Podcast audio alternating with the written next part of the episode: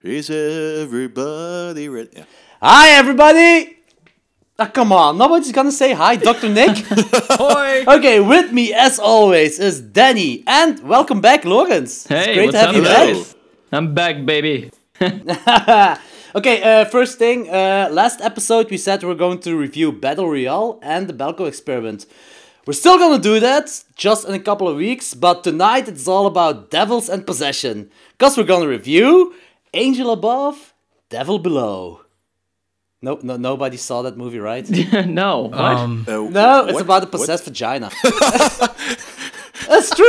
okay, uh, I'm going to I'm going to IMDb to save that movie. yeah, uh, Jan Verheyen uh, showed it on his Night of the Disgust a couple of years ago. It's a really weird movie, but it's not the one we're gonna review. Ah, too bad. no, uh, we are going to review The Exorcist and the Black Coat's Daughter. Also known as Yesterday. Oh yeah, the reason we're talking English right now is because we have a guest host with us, and that guest host is Mr. Watson from the Horror Corridor podcast. Welcome, dude. Woo! Yeah, Donkeyville, Donkeyville. Yeah, I'm very, very glad to be here, gentlemen. Yeah, I prepped. I, I prepped, gangsters, and uh, yeah, Perfect, stoked to be a part of this, you know, first English language show you're doing, and I, I'm honored that you asked me to take part in it. Like, so fantastic. I wish I knew another language so I could switch it up on my show. Like, I used to speak some good beginning French, made my way around Paris, okay, but I don't remember anything. So you guys, you guys rock. Uh, welcome to Klokslag 12. Uh, wha- what's the literal translation for Klokslag 12? Is it the midnight hour or Klokslag 12? How should we translate our podcast in English? Midnight Hour and the Clock Strikes 12, those both have really good, uh, r- uh, ring really well to the ear. I don't know. I think you're, you're fine going either way. It's up to you. I mean, I, I like them both.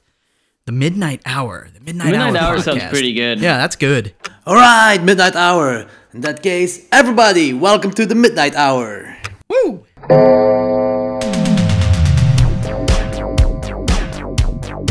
I like to dissect girls. Did you know I'm utterly insane? An excellent day an accident. Be afraid. Be very afraid. suffering will be legendary, even in hell.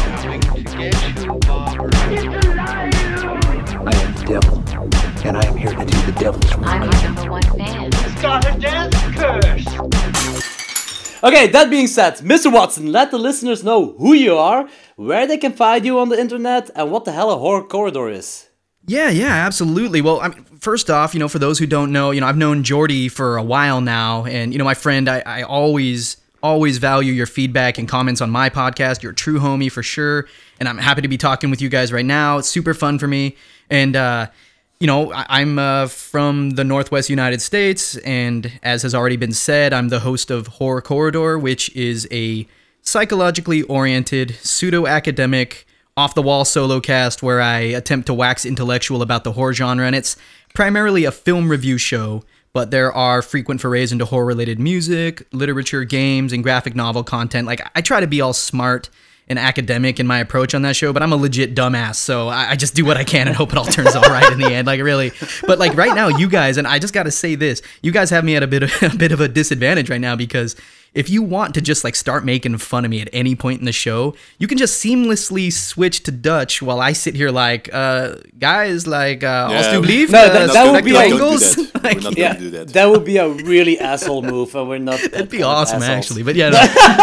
it'd be pretty neat. But yeah, like so. uh yeah, you know, you can find me on on Facebook, uh, Horror Corridor, on, on Facebook groups, and there, there's a Horror Corridor page that you can like, and that's not me. It's like it, it's this like radio show or something. Um, mine's a group page that you can join if you so if you want to get in on the deep conversations we have over there and get in on the feedback and whatnot. That's that's where you'll find me. Facebook Horror Corridor. Join that, Mr. Watson. What up? Yeah, I just want to say that like horror corridor is like the definition of quality before quantity.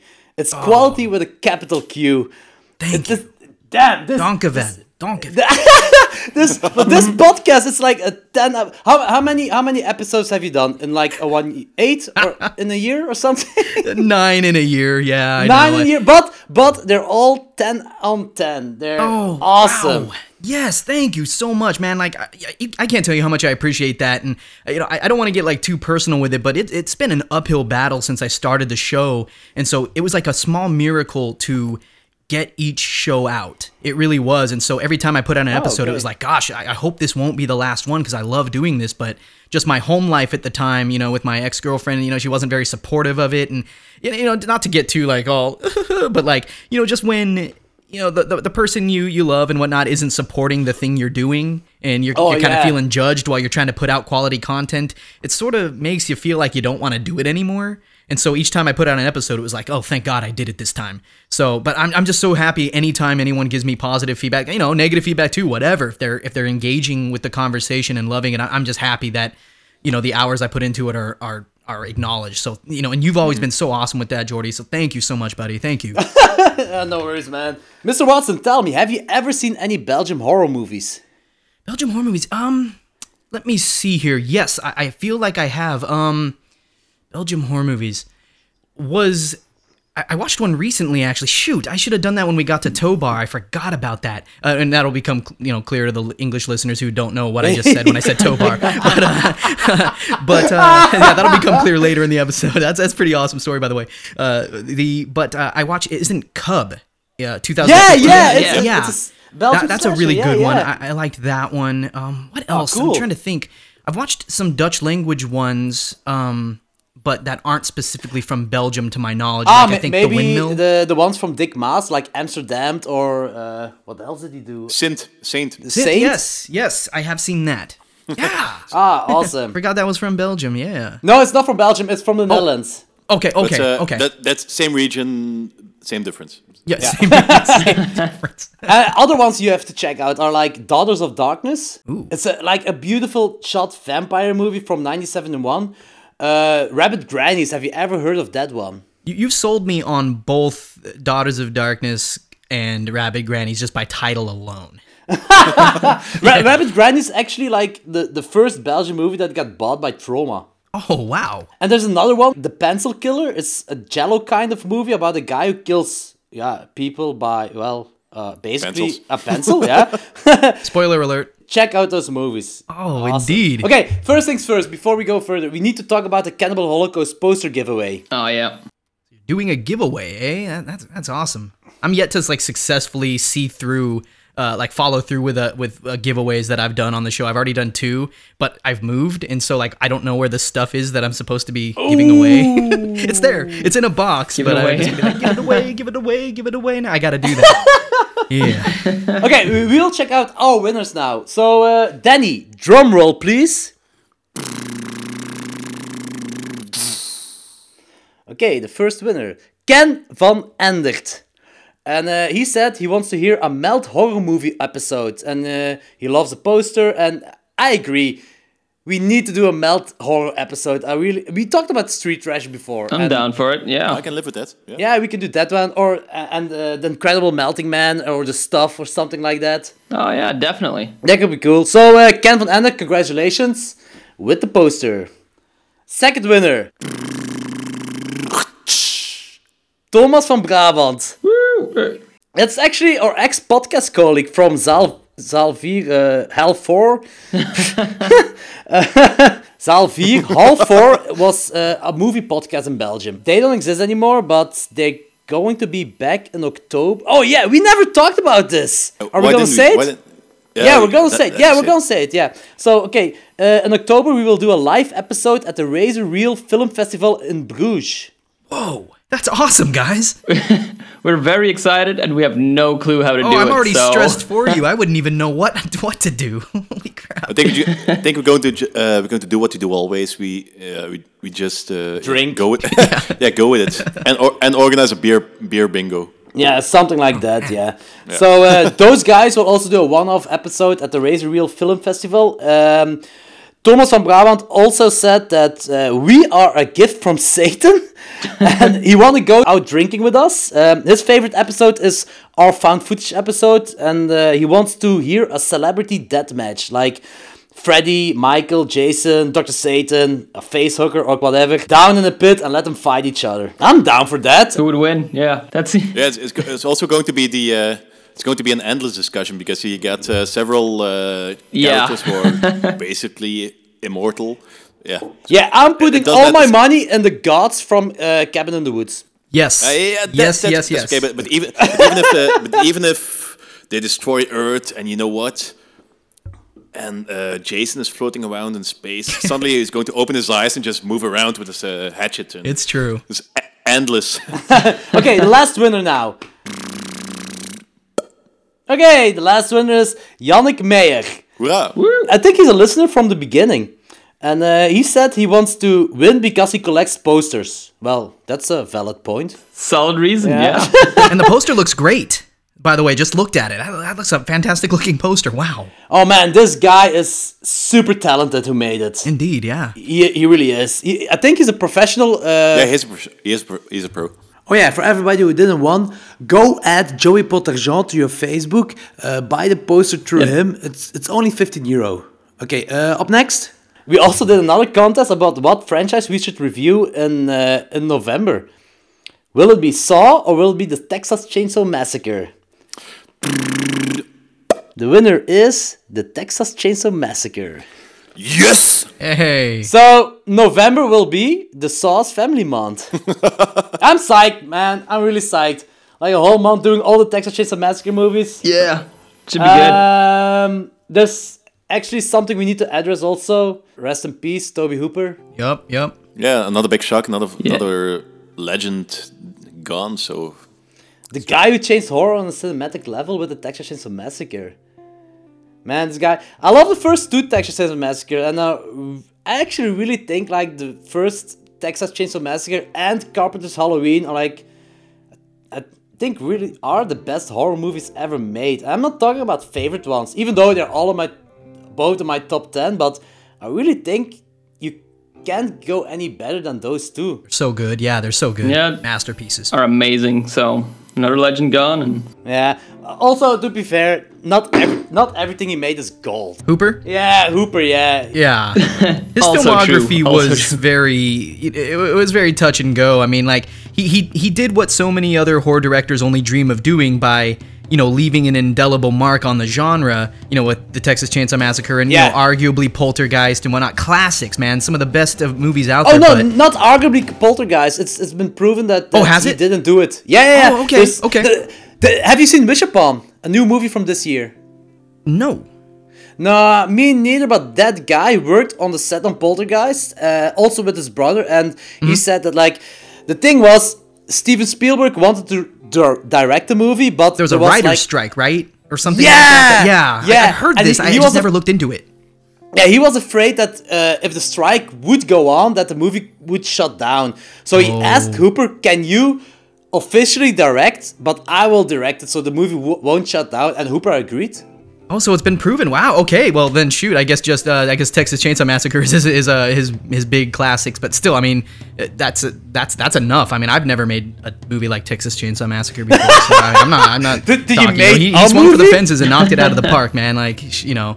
So do you, do you guys know the story behind the Texas Chainsaw Massacre? Like how he initially thought about, like, kind of came up with the concept of it? Like, Ed Gein. uh, uh, well, yeah, part that. It was part that, but I guess like he was like shopping in a department store like during a busy Christmas season, and he, he just he was not loving all the people everywhere and the whole crowded nature of holiday shopping. So I guess he like stopped in front of this uh, chainsaw display in the store and like, was thinking to himself, "Man, Oh, shit! If, if I grab one of these chainsaws and just rev it up, everybody's gonna get the hell out of my way." And I guess when he, when he, when he mixed that thought with Ed Gein, like he was just like Texas Chainsaw Massacre was born, you know, and. So yeah, I, I just thought always thought I always thought that was a funny story. It's, it's actually a pretty great written story, no kidding, Yeah, awesome. and really, really, really, really relatable. right? Yeah. I was just gonna ask if it's like that in Belgium too, because it is over Yeah, here. Yeah, but my you guys God. have you you guys have Black Friday. I think that's like worse. yeah, w- good. uh, no, no, no, we have Black Friday since uh, since two or three years. It's oh, Oh, really? it's, it's, I it's missed one, it. Of the, one of those.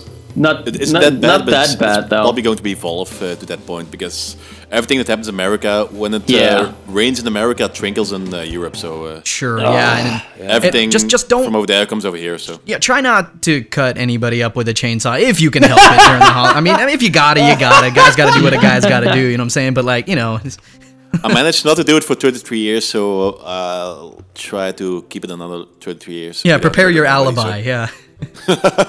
Hey, has anybody of you guys seen Djinn? I have not. The not. movie, the movie, Djinn- that's that's the last movie that Hooper Oh, directed. from Hooper? No. I think in 2013 or something. Nobody saw it. Uh, I haven't seen it. No. No, Yeah. me neither. And nobody talked about it, so I don't know if it's good or not. I do know that I like Lifeforce and Eaten Alive. Yeah. Oh, and the Mangler as well. Isn't that from Hooper as well? Yeah, that's like the the only thing that the last thing that that people talk about that he did, Yep. and that's from like 1995 or something. Yeah. the manga? Yeah. Yeah, mid 90s. 95 Yeah, I think Yes. so. I think so as well. I Also like the Funhouse. I remember enjoying it as well, but yeah. That being said, it's time for the tow bar round. Tobar. the toe bar round. Uh, for everybody who is wondering, okay, I wanted to name, I want to name the segment uh, where we talk about movies what we watched. Uh, so on air, I asked Danny. No, I just asked a noun, and Danny said tow bar. So that's now called the tow bar round. There we go. it's actually for all English people listening, it's actually very similar to the Triple R review of Exploding Heads. Our podcast is basically a mashup of some of the podcasts I listen. So you got a lot of Skeleton Crew, Exploding Heads, Trick or Treat Radio, the horror movie podcast, and so on. So oh, all Oh, those things. I love all those shows. yeah, are, you, you're also a big fan of the horror movie podcast, right, Watson? Yeah, that, that that was one of the three podcasts that inspired me to start Horror Corridor. Uh, horror, horror movie podcast, Dark Discussions, and uh, there was a horror fiction podcast called Tales to Terrify, and they had like this. Yeah, this, Tales to is brilliant. Oh yeah, and they, yeah, and you know that the segment they have tours of the abattoir, like they they had this like th- you know it's this review segment where they reviewed movies, and it was like the first time I'd ever heard that done on a podcast, and I was like, I'm doing that from now on. They did Cabin in the Woods, and I was like, okay, I wish I sat in on that. I'm starting a podcast, and then like two years later I did. but yeah, so uh, but yeah, like those are yeah. So you know you say this show is a mashup of all you know those, those great uh, those great shows. Then yeah, I I just I wish I spoke the language so I could get in on that. Ah. Damn me and my American uh, inclination to not need to learn a new language because it wouldn't help in commerce like it does in Europe. But i- if everything works out tonight, I'm sure we're gonna do a couple of more English talking episodes, right, guys? Yeah, definitely. Awesome, Yeah, awesome. so people can so people can hear us struggle with the English English language, yeah, Yeah. right. No kidding. which is pretty much it's pretty, pretty much okay. It's pretty much okay until we get drinking and our tongues get loose and And we're always drinking. That's the problem. No, I understand. I, I would get like loopy with drinking with English, and I speak English as my first language. Of course, I don't. I don't drink anymore. So like you know now, like if, if you hear me make mistakes and like slurring my words, it's just because I'm s- I'm having a stroke or something. Back to the tow bar round. Mr. Watson, maybe you can start. You're our guest.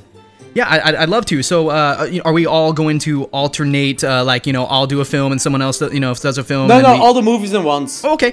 Um, let's see here. So the okay, yeah. So I I haven't act- honestly seen as much as I normally would because I'm in this, you know, transition period where I'm living with my brothers now, and you know, and so I'm, I'm between places. Haven't watched as many as normal, but I have watched a few things. So. Uh, the the first thing that bears mentioning is Annabelle Creation 2017. Any of you have seen that one? Oh, not yet. No, no, not yet, not yet. We're still waiting to see it. Oh, okay. I have I have tickets. I have tickets. I really Nice. disliked the first one. yeah, I, I wasn't hot on the first one. I thought it was I thought it was okay. Um, the ending really really took the wind out of my sails for that one. But yeah, you know, for anyone who might not know, it's the prequel to the 2014 offering, just called Annabelle. Takes place in 1955. So once again, we've got this period piece on our hands, and in this film, we see exactly how and why this otherwise. You know, innocuous doll becomes this conduit of a powerful demonic evil, and I, I, I just got to tell you guys, like, I, I just want to state right now, like, I, it, like my favorite types of horror films are the ones that deal in the supernatural, hauntings, possessions, the devil. Like that's the stuff that draws me. So that's why this is a fitting episode. Yeah. You guys had me on. Uh, but that said, like I'm also a big fan of this cinematic universe that began with The Conjuring. Like we've got these two Conjuring films, a third on the way. We've got the two Annabelle films. We've got two upcoming movies in The Nun and The Crooked Man. And you guys, I'm I'm all about this. I'm buying it hook, hook line, and sinker. So as far as like Annabelle creation goes, like I absolutely loved it, and I, I hope you guys too, do too. I don't know if you're all into supernatural movies or if it'll do it for you, but Yeah, I, I'm a fan of the Conjuring films, and uh, I, I disliked Annabelle, but I'm I'm getting stoked for Annabelle Creation because Dave T said it like it's like uh, Ouija and uh, Ouija Origins. Like Ouija was a bad bad movie, but Mm-hmm. Ouija Origins from Flanagan was well, it was an okay Ouija film. yeah, it really was. It took the franchise in the well, the second movie and really like just and it, it you know what? I'll tell you what. Annabelle Creation actually makes Annabelle better. Oh, It- okay. It, really does. And the, way the way they tied it together, and it just surprised me. And so, you know, just really quickly, I'll give like a really fast review of it.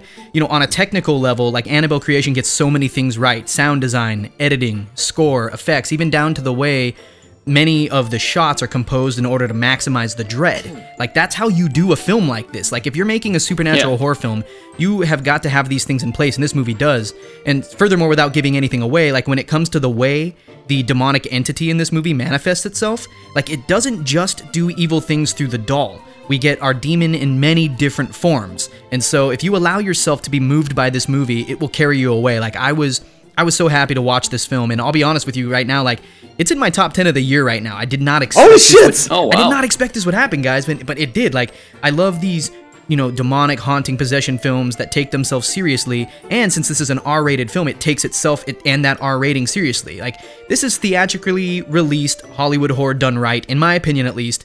And so I, I don't have like an official numerical rating for the film just yet, but I, I, I might go like somewhere in the high eights or even like maybe even a nine out of ten. So Whoa. yeah, Holy yeah, shit. Yeah, I Oh, really wow. like that. And so, you know, that's one. I only have like uh, I think maybe one more or two more movies that, that I saw. But uh, next on the tow bar list is uh, have you guys heard of the Transfiguration 2017? No, Uh, I've heard about it, but I haven't seen it yet. never heard Okay. of it.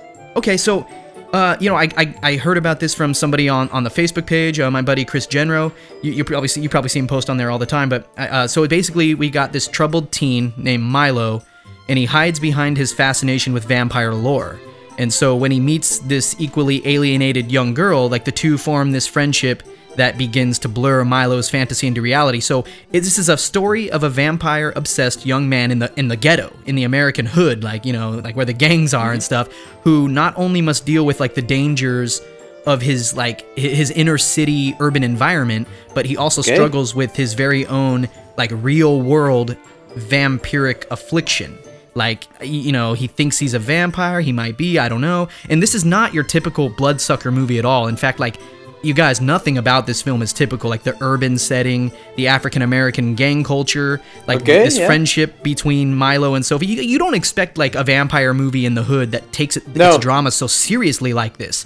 And the way the Yeah. vampire angle angle like figures into the film, like it's nothing like I've really ever seen. So I mean, if you if you guys like, I felt the strength of this movie was in its ability to present us with this young psychopathic character, and then it makes us feel for him despite the bad things he does. And so you've got this movie that has you know, that's touting this idea that maybe we're not all bad or all good, that maybe even the very worst of us is capable of good things, or maybe even that the best of us is capable of bad things. Like I don't know, but you know, as I watched this film, I found myself like really invested in the characters, and all that they were doing, and and all that they're going through. And when the movie gets into horror territory, it gets pretty disturbing. Like it really does. And so I think for people who aren't fans of like slow moving horror dramas, this you know you might not be the target audience for that. But if you want to watch like a dark story unfold in an unexpected like an unexpected setting like you're in for a good ride i, I think i'm gonna give this a, about an 8.6 on my watson scale and i highly recommend it All right. Very specific. yeah that's how my but that's how my scale is like uh, i had to like open it up because I, I rated like some movies like a, like a few movies on my podcast like a 9.75 and i realized that i rated all those movies 9 point that, that were i had said were 9.75s i thought very differently about them and so i had to get more specific it's like and i have a system for All it right. but I, I i don't want to explain that here but uh just i'm trying to hurry along because i don't want to take up all the discussion because i have one last movie that i, I watched uh and it's the uh it's have you heard of 12 feet deep also from 2017 Oh man, yeah, yeah, I saw it. Okay, uh, and, and yeah, so you know we've got two Yeah. sisters who are unwittingly trapped under the fiberglass cover of an Olympic-sized public pool, and they've got to brave the, brave the cold and each other in order to survive this harrowing night. And so you know this is a film that takes place in a contained setting, and it's a case where the longer our two protagonists are in this situation, the worse things become. And so some of these reasons have to do with the drama between them, uh, because they're more or less estranged sisters, but there are external reasons as well like we've got a character who has a certain illness that might that really needs to be tended to in a timely fashion we've Yeah. uh, there's also a villain of sorts who introduces a different element into the, the this Cleaning already- lady. yeah, yeah, yeah, exactly. Yeah. Yeah. so we got this tense storyline, and she ramps it up a bit. But I think where the film succeeded for me, at least, was the drama between the sisters, like their history with one another, like informs you know the viewers of exactly why and how these siblings' paths like diverged from one another, and that was really cool to see that. And then the film also does a wonderful job of not like making the pool seem stale and boring. I mean, I don't know if you thought that too, but like Yeah, that's I, I true. That's bored. true. But I didn't. I didn't like the movie. I, I, I liked it, but I didn't loved it. I, I was. I wasn't too high on the movie. Yeah, and actually, you and I, uh, we- we're, we're, we're the same there because, like, uh, like unfortunately, like the film seems to lose its steam when we're introduced to that other character who, you know, means them harm. And Who could be the most interesting one? But they, it just felt flat. Thank you. Yeah, thank you. That's what I was thinking too. Like the resolution of that subplot, as well as the movie as a whole, like when it hit its end, I, I it made me feel like I was watching a telepic, you know, like a made-for-TV Yeah. movie. And then, like, I ultimately just found myself just less than thrilled with it. It had its high points. It's filmed well. It has the drama in all the right places, but it pulls its punches and essentially neuters the horror aspects of the story. And so, like, I'm not against recommending it, but it's not a high priority by any means. I think I, ga- I gave it a, let me see what I have written here if I can see my computer. I have a 5.9 out of 10. So that means it was a positive experience, but nothing that I would say is a priority to see. So don't rush to see it if you. you I know. gave the same. I gave the same Alright. rating a couple episodes ago. I, uh, we d- we don't go like point one or point nine. Yeah. We, we just do like I'm insane. uh, five or six or half ones, and uh, I gave it I think a five point five or a six, some somewhere in between. Oh, okay. So we're, we're right there. So Yeah. yeah, yeah. well, that- that's cool that we agree on that. And that- yeah, and that's that's my that's my Tobar is over for me. So yeah, yeah. awesome, dude! Awesome, dude! Awesome. Who's next? Uh, Logan's? Yeah, I'll go next. Uh, I haven't seen. Well, I've been kind of busy lately, so I haven't seen that many. I can't get uh, my beer movies in general. God damn it! First world problems. Yeah. No, I've seen um, well the two movies we're gonna discuss tonight, and I've also seen one extra movie. Uh, one of uh, Jordi's favorites of 2016, The Autopsy of Jane Doe. Oh, this yeah. movie. Um, I'm pretty sure. Yeah, I'm pretty sure everyone's everyone's seen it already, but I thought it was fantastic. Um, I yeah, I genuinely genuinely loved um, the acting in it, and it was really cool to see Emile Hirsch again. Um, he's been out of the movie business for a while, and he did a great job in this one. Um, I thought the reveal at the end was great as well, and I love like the sub. I don't want to give too much away, but um, I just love the subject of in horror movies, and this one just yeah, it takes it um, takes a very different approach to it. Yeah, I'm just gonna cut that out because that's a huge spoiler. All right, Yeah, fair enough. sorry, sorry. Well, uh, well, I'm really big fan of beep in movies, so yeah. yeah, I will do There you that. I, I will, I will beep the show. Yeah. Yeah, yeah, do Yeah, it. beep it, beep the hell out of it. So sorry, cont- sorry. Continue, Lawrence. Um, no, I just I totally understand why this is one of your favorite movie movies of 2016. So I could I can only recommend it to everyone. Yeah. It's very tense, very. Um, I got scared at a couple of points, which is very rare to me for me these days watching horror movies. Um, so it's fantastic. Looks great.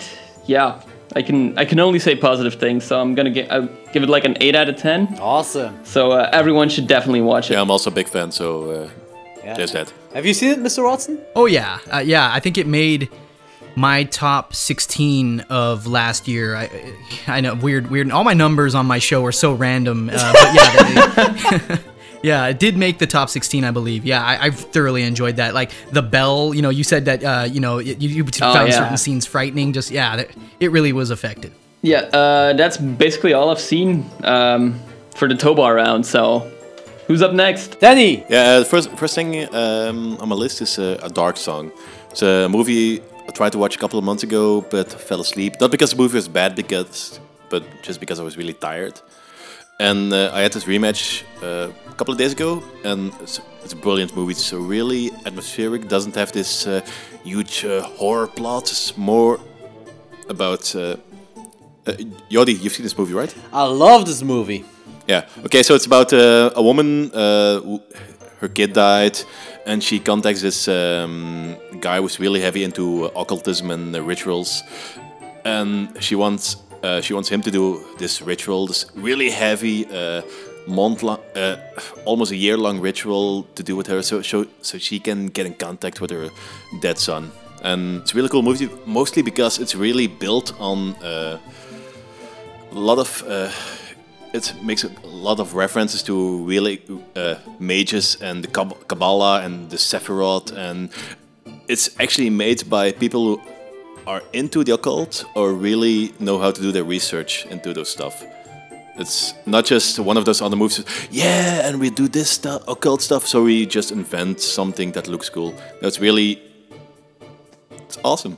Those guys did their job. It did the job right, so I really liked it. Um, it's not that much of a horror movie, but it is enough of a horror movie to be a horror movie. So you know, you know what I mean. what? Did, uh, uh, so, sorry to interrupt. I'm just curious. Uh, I reviewed this on my last episode. Uh, kind of a uh, sort of a. Actually, that episode was just a big Tobe Hooper episode. Actually, that's that's all it was. It was an I awesome episode because. Oh, uh, thank you. Yeah, dude. You and I were almost on the same page for. It comes at night. It comes at night, yeah. The Oh, only thing is that I I came up a lot higher than you are. I, I loved that movie, man. I really loved that movie. Oh, I, th- I thought it was great. I really did. I mean, I, I did give it an 8.5, which I, I do think I, I I I thought it was technically a brilliant movie. I just That's had pretty okay. I'm yeah. thinking about Yeah, going yeah. My, like like my second favorite of the year this far. Nice, good, good. That, that's fantastic. And yeah, and you know, you were, we were just talking about a dark song, which I reviewed on you know my latest episode back in uh, I think early July. And I was going to ask you guys, um, you know, Denny, like, wh- what did you think of the? uh, Without spoilers, what what was your take on the ending? Like, or if any of you who saw it, what what did you think of the ending? Were, were you let down by the way the film film chose to go? or did you feel like that was the right way to end it? Like, uh, yeah, just just wanted to kind of hear what you what you think about that without giving spoilers, because that, that's this big spoiler. The end, you know.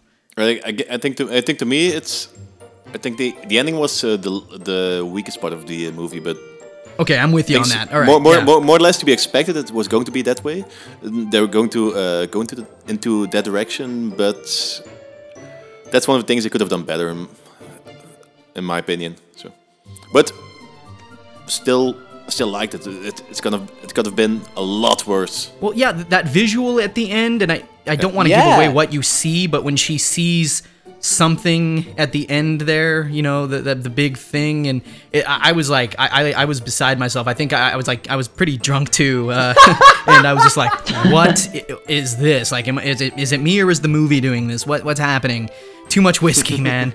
But yeah, Oh that man, was uh, just now uh, that I remember that Logan's, uh, we and Mr. Watson have something in common. Not only horror is like our favorite thing, but also punk rock. Oh, really? Oh, Oh, Mr. Watson, one of his favorite bands is the Ramones. oh yeah, dude. I, I Ah, love great. punk rock. Yes, perfect. Yeah. Okay, uh, I just wanted to shuffle it in here because it's a really Oh, huge, man. passion of us. Uh, and oh, Mr. Watson, have you uh, checked out Offer to loved it. In fact, um, it, I, I I I can't stop listening to uh, what is it? Their album is at home. Uh, I Yeah, can't Home, stop li- yeah. like just Yeah. the way they he deals with his depression through the punk rock music and the song uh, "Clear the Air." I really want to do like an acoustic cover of it. Oh, that song is brilliant. Yeah, uh, for like a YouTube channel I plan to do in a couple like yeah, months. it's a so- fantastic. s- yeah, you, you turned me on to a good because uh, yeah, you know because yeah, uh, who, who was it? Was Logan's? Were, are you you into punk or which, which of you was into punk? Yeah, Okay, okay, so yeah, yeah, I, I'm, a punk rocker all the way, man. I love that stuff, and I was on my show. I expressed that, like, oh man, I don't know about the punk rock that's happened in the last ten years. And Jordy was like, or, or Yordi, Yordi. Yeah. I, I say Jordy because that's how we say Yeah, it. it's over here, okay. but Every Yordi. American I'm says sorry, I'm sorry. so no but yeah, worries. then Yor- No Yordi comes on in, and he's just like, he, he just gave me this list of bands, and so I'm, I'm I just anyway, I'm glad we have that in common. That's fantastic. man. yeah, that's pretty much what Jordy does. That's true. Yeah. Yeah. So, uh, very sorry to interrupt you, Danny, but what have oh, what I know, else have you seen? Yeah. Okay, so this this solitary black metal guy will go on with this list. uh, the next movie I saw was uh, The Raking. It's this um, indie movie about some devilish creature in the desert in America somewhere, and it's the perfect example of the fact that it's not because you use uh, um, practical effects that the effects are cool. It's Oh. no, no, wasn't wasn't that? It was really cheap, really uh, cheesy, crappy guy in a rubber costume, and I really didn't like it. So so the movie basically sucks. yeah, I, I don't know. The, the, the story behind it was pretty cool. uh, a couple of a couple of uh, students and their teacher were going to a desolated uh, area in, in uh, the desert somewhere. Uh, the American somewhere in the American desert. I don't know how to call it. And because they wanted to uh, experience the vibe of some um, urban legend that's hanging around there. And sadly enough, lucky for the people watching the movie, it's exactly the one night in the year that the urban legend comes to life. So yeah, they're basically basically screwed. Yeah.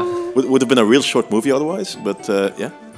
Okay, cool. Um, didn't, didn't really like it. I started out pretty okay and went downward pretty I, really fast. So uh, the next movie that I saw was uh, uh, The Beyond from Fulci. awesome! I haven't seen it yet, and I really liked it. I I, I like that uh, it's a early '80s movie, but it still has a, the, the, the '70s vibe, but with a slightly better image. So I really liked it.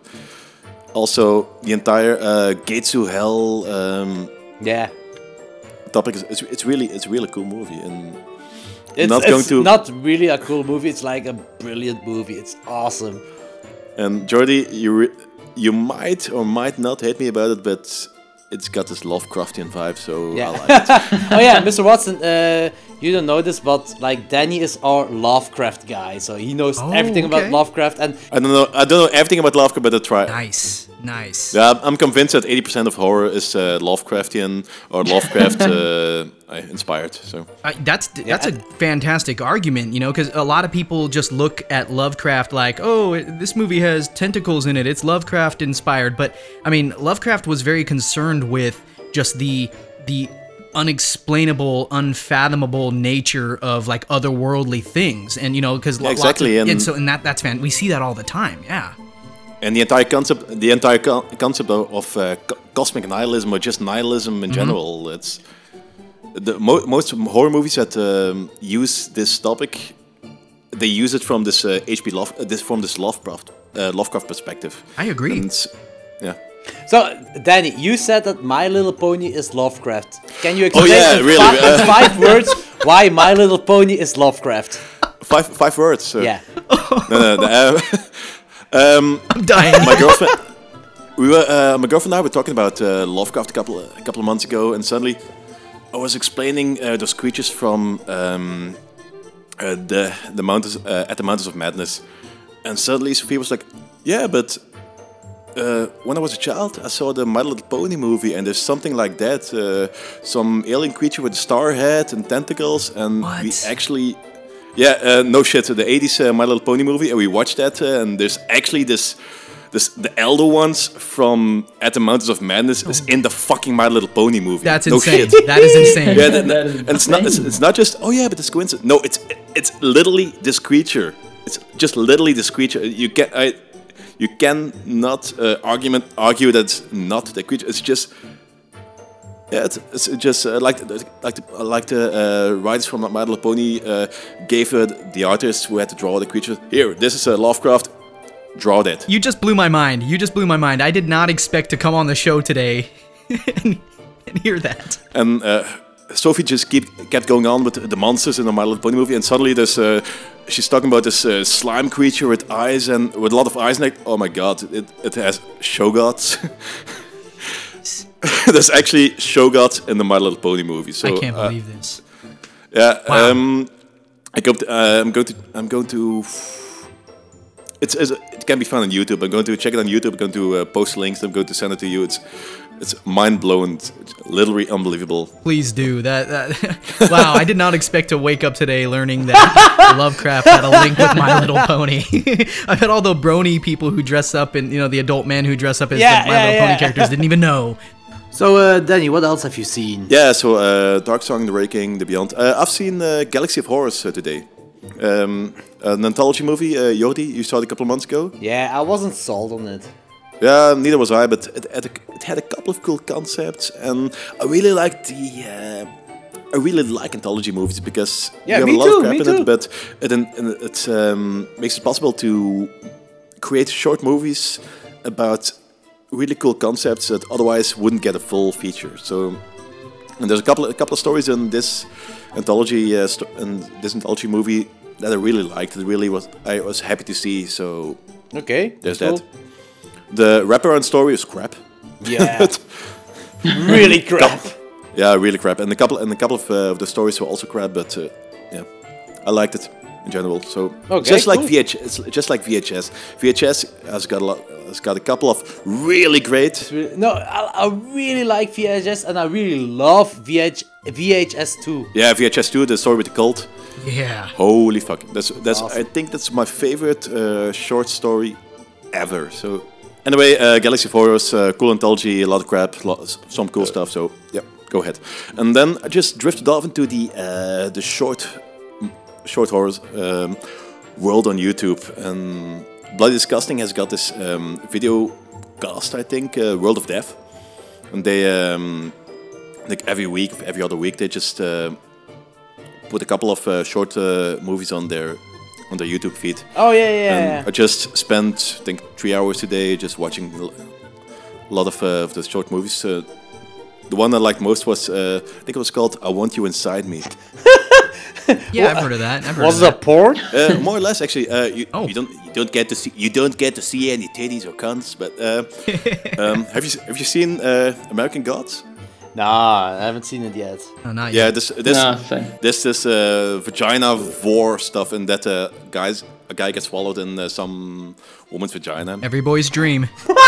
Yeah, it's, yeah, yeah. Uh, but actually, actually, that's that's the entire uh, that's that's the main uh, subject of uh, this short movie. It's it's really unsettling but cool. Okay, cool. Weird boner alert. Ah, awesome!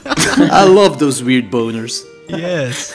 Oh man. Uh, so uh, just uh, just stay just uh, spend two more hours just watching short movies on that uh, channel. It's it's really You can a lot of them recommend it. pre- yeah, I can recommend it. A lot of them are pretty sexual in nature, actually. So, Oh, cool. Something between horror and uh, porn.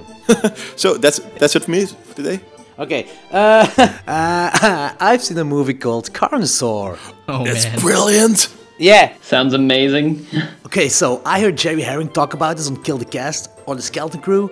Yep. Actually, it was Carnosaur 2 he was talking about. It wasn't the Skeleton Crew, right? It was Skeleton Crew, yeah, on their I think on their uh, 90s episode, yeah. Oh yeah. So uh, me and my girlfriend were listening to this episode while we were driving, and she said, "Oh man, we have to watch that Carnosaur movie." Oh, she sounds like a cool lady. Yeah, she's the best. She watched all those dumb stuff with me. Oh man, gotta come over to Belgium and find a lady. Oh yeah, sure, man. We'll hook you up. so okay, Carnosaur. Uh, well, it's about this mad scientist who wants to create dinosaurs to, well, destroy humanity. Love it. So yeah, this movie is nothing more than some good old horror fun. It's a very enjoyable movie. Nice. You know, I I have a lot of uh, trivia about this movie. So uh, when you're done, uh, it's my turn. Oh, you can do it now, dude. Uh, just trivia away. okay. Uh, first of all, um, there has and there have been uh, two sequels to that, but no, not only has been Uh, whoa, whoa, wait, wait. Two sequels and two spin-offs. Uh, two, two spin-offs, I don't know, but uh, you have the, the two direct sequels. You have Carnosaur 2 and 3. And then they created this movie called Raptor. Oh, isn't that one of the spin-offs? No, that's, that's not just a spin-off. It's, uh, it's a new movie, and they just used all the action sequences from the, the Oh, three first really? movies, and they just put it in there. Just uh, What? I have it at home. Uh, it was one of it was one of those movies that uh, at the um, at the rise of at the rise of the DVD uh, era, you had a lot of uh, DVDs that was- was lying for one or two euros in uh, the supermarkets, and Raptor was the one was one of those movies. They used this uh, Velociraptor from Jurassic Park on the cover, and uh, it's really cheap and it's really really shitty. Wow. Just like the just like the Turkish movie that used uh, the Star Wars um, action sequences with another uh, uh, uh, aspect ratio and like that. okay, I also have a fun fact about this movie. Uh, this movie got released four weeks before Jurassic Park. Yeah. But the lead actress of this movie, Diane Ladd. yeah, Diana Ladd, is the daughter of the lead actress of Jurassic Park. Yeah, that, that's that's that's a that's a mother. The mother. Wow. Uh, oh shit, yeah, uh, That's- of course. Wow. Diane Ladd is the mother of Laura Dern, who played Ellie, who played Ellie Sattler. What are the odds? Yeah, that's pretty insane. Yeah. yeah, and I'm, and I'm still figuring out if, if it's is, is this one of those movies that tried to cash in on Jurassic Park, uh, or was it just happy coincidence? Because uh, every Uh, I think happy coincidence because the release was four weeks before Jurassic Park. Yeah, but it's also it's also not that much of a big budget movie, so it could have been um when the Jurassic Park news uh, came out. They could have uh, started the project pretty fast. I don't know. I'm going for coincidence. Okay, I hope coincidence. So the next movie I watched was Salem's Lot, a rewatch. Um, I love it. I really love it. Um, I'm not a huge vampire movie fan, but this one is really great. I actually like this more than the other made-for-TV movie. Well, made-for-TV miniseries, It. Uh, agree to disagree, but I understand. Yeah, I get that. Well, yeah. Oh yeah. also, shout out to Nosferatu Kurt. Have you seen it before, Mr. Watson? Yeah, a long time ago when I was when I was a kid, and so it, it's been so many years since I've revisited it. And uh, I, I, you know, what's funny? It's the same with the It miniseries as well because I think it was like ten years ago I revisited that one, and I still really enjoyed part one with the kids, but I felt the adult one felt a Yeah. bit dated now. And you know, and, and you know, and so that is what it was. And so I would love to revisit Salem's Lot now and compare it because yeah, I, I really don't uh, have like the best. Like I had good memories of it because Yeah. when I was a kid, it frightened the hell out of me. But I don't remember like with it. I don't have adult eyes uh, when it comes to that movie. So Okay, the, the last thing I saw were the first two episodes of the TV series of The Mist. Ah, and what do you think of it? Ah, it was horrible. It was bad. It was really Yeah. I'm bad. glad you It said was that, yeah. Bad character writing, uh, bad suspense, bad effects. Oh, look, okay, the aftermath of the deaths were cool, but I, I have the feeling that they were acting in front of a green screen. The mist itself looks super, super fake, and it gets me out of the movie, all, uh, out of the series all the way. Yeah, I've heard nothing but bad things about it actually. So Yeah, I got I one- get that. yep, same here. Like I said a couple of weeks ago, I've, I've seen the first episode, and I also had the, I also had the vibe, and I want to see the rest also. But I don't want to watch the rest. Yep, same here. I'm, I'm, a, I'm a bit afraid. So they've also this subplot of a rape story in it, Ugh. and it goes nowhere. Of course it doesn't. I, I knew it wouldn't. I've only seen the first episode and I was just like, "Oh, please don't don't do this to the mist. Don't don't do this. There's so much you can do." Okay, guys, it's time to eat some pea soup with Captain Howdy in The Exorcist. Yeah.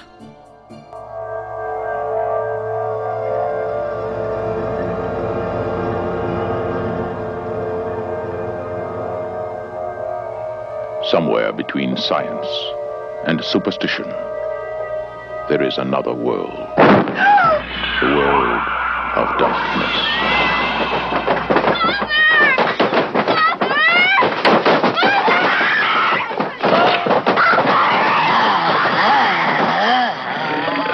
Nobody expected it. Nobody believed it. And nothing could stop it. There are no experts. You probably know as much about possession as most priests. Look, your daughter doesn't say she's a demon. She says she's the devil himself. I'm telling you that that thing upstairs isn't my daughter. Now, I want you to tell me that you know for a fact that there's nothing wrong with my daughter except in her mind. You tell me you know for a fact that an exorcism wouldn't do any good. You tell me that!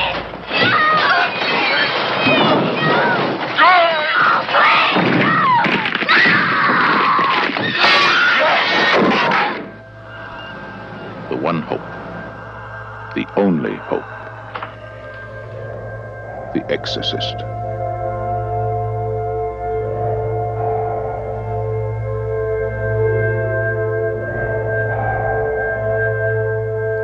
the movie you've been waiting for without the wait. That's a weird tagline. Yeah. It's weird. Uh, directed by William Friedkin. So he also did the French Connection, one Tales from the Crypt episode, and he made a he made a documentary that will come out this year about uh, a priest that will perform his ninth exorcism on an Italian woman. Yeah, it's pretty much a story about failing at your job. So, Tense. I don't know, maybe it's like one of those ten-step exorcisms. I don't know. step one: throw holy water. Yeah, yeah. Okay, uh, The Exorcist from a novel by William Peter Blatty. Um, I have this duo pack uh, with, with the Blu-ray in it, so but I still haven't read the, the novel. Have any of you guys read it? I have it at home, and I haven't read it yet. Yeah, so- I read it years ago uh, when I was in high school, and it, it, I think it went over my head. I, I- it's it's a book I'd like to read now and really get to. I, I think I was just reading it back then, so I could like, oh, it'll be really cool to read about a head turning around, you know, and and, and spinning. But I, I think there's just like all the subtleties and all the, the just the heavy themes probably went over my head when I was f- like 15. So I, I would l- I own the book, so I, I I need to read it once again. cool. All right, cast Ellen Burstyn as Chris MacNeil, the mom. and um, do you guys know what Friedkin's first choice was as actress? Nope. I have no idea. Audrey Hepburn. Aud- Audrey Hepburn. Oh wow. Awesome. Oh, really? I have a crush on Audrey Hepburn. Everybody has a crush on Audrey Hepburn. Yeah. I don't think she likes me. Like, She's dead. Well, th- yeah, and that's all the more reason. It's only death keeping us apart. Necromantic. Never been with a brunette girl before. First time for everything, yeah, especially a dead brunette. right? Max von Sydow as Father Merrin, and the studio wanted to have Marlon Brando. wow. Oh, wow. oh, what? That's insane. oh wait, it gets better. Um, um, Jason Miller as Father Karras, and Jack Nicholson supposed to play No. that. Oh, jeez. Oh yeah, yeah, yeah, yeah, yeah. Also, Linda Blair as Regan, and the producers wanted Jamie Lee Curtis for this role. Oh, cool. Yeah, yeah. Wow. Okay, Wow. guys, just imagine that. Marlon Brando and Jack Nicholson fighting against a possessed Jamie Lee Curtis while Audrey Hepburn is crying all over this. Man. Wow. Yeah, I'm, I'm really, Insane, yeah. yeah, I'm, I'm really hoping that uh, we're going to get uh, to the point that artificial intelligence just can create every movie you want from uh, from scratch. so this could happen in the future. This is a possibility in the future. Really? ah, yeah. Future looks good. Lee J. Cobb as Lieutenant William Kinderman. That's the guy who wants to go to the movies the whole time. Nobody, nobody wants to go with him. So. That scene was awesome when he's like, It's, it's my favorite. It's my favorite. Yeah, it's my favorite character of the movie. He's such a come out to the lovable movie with me. person. yeah. yeah. yeah, and uh, Mercedes McCambridge, who does the voice of a possessed dragon, she didn't get any credit for the voice and the things she had to do for the movie. Uh, she needed to smoke lots of cigarettes a day. She was a recovering alcoholic and had to drink strong liquor just to do the voice. It's true. Um, we also got Eileen Dietz, who also didn't get credited, and she was the face of Pazuzu. The, the, fa- the face. No, no, no. Uh, the face position. You, you mean you mean the little statue or what? No, not, Ah, not the statue, not the, image statue. that just pops up uh, once in once. Yeah, subliminal, yeah, yeah, yeah, Subliminal that one, face. Yeah. Ah, right, yeah. Ah, actually, that, I thought it was uh, f- I thought it was Father Damien uh, with makeup or something like that. That was. was him? Nope, it's Eileen Dietz. Ah, okay, okay, okay, okay. That's new. That's news. Okay, Logan's a synopsis. Uh, yeah. When a teenage girl is possessed by a mysterious entity, her, her mother seeks the help of two priests to save her daughter. Uh, okay, everybody, go check out L'Empire de Lumière, or like the Empire of Light. It's, it's a series of, of paintings that got inspired for, well, that famous scene, um, the movie poster also. Yep. It's awesome to see. Uh, I think I speak for everybody when I say I love this movie. Yeah. Yeah. Yeah, obviously. Okay, this got the reputation of the scariest movie ever made. How do you guys feel Yeah. about that line? Ah, you have to see it in its um, in its context. But yeah, back and in the it's se- time setting mostly. Yeah, it's, it's time setting. Its and context. it's time in setting 70s, mostly, yeah. This, as far as far as as far as I can imagine, I imagine this to be actually one of the scariest thing that ever was uh, projected on the big screen. But like in general, in general, if like studios say this is the scariest movie ever made, Yeah, but I, I don't, I don't believe in the lines. I don't believe in the words uh, "the scariest uh, movie ever made" because that's something that's really subjective. It's, a personal thing. real, it's really personal. It's really subjective. So yeah, uh, the, the remake of The Grudge scared the shit out of me. And, Oh, wow. And well, my girlfriend back in the days who was scared with everything was falling asleep because she found it, found it to be boring. So it's really personal. Yeah, whoa, she found the Grudge remake boring. yeah. She was really not impressed. Okay. okay, the start of the movie. So we begin with uh, Father Merrin, who finds an amulet that resembles like the the penis statue of Pazuzu. Um, yeah. Let's Nobody that. noticed that? Seriously, has nobody of you guys noticed the like the the the statue of Pazuzu has a gigantic cock? I don't know, it didn't seem that gigantic to me. Whoa!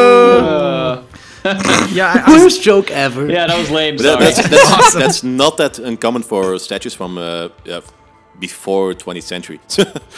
The, the phallic symbol was really uh, prevalent in almost every culture or religion. Yeah, or but it's- that it's- statue is ready to fuck. It's it's like right up there. it's like check out this dick. You know, you've got you've got this. Uh, I'm going to send you a couple of pictures uh, from uh, N- uh, Norse uh, uh, uh, Norse uh, mythology and stuff. They got a, l- a couple of uh, uh, statues from Odin or Thor, of, with also with the pretty much uh, big cock.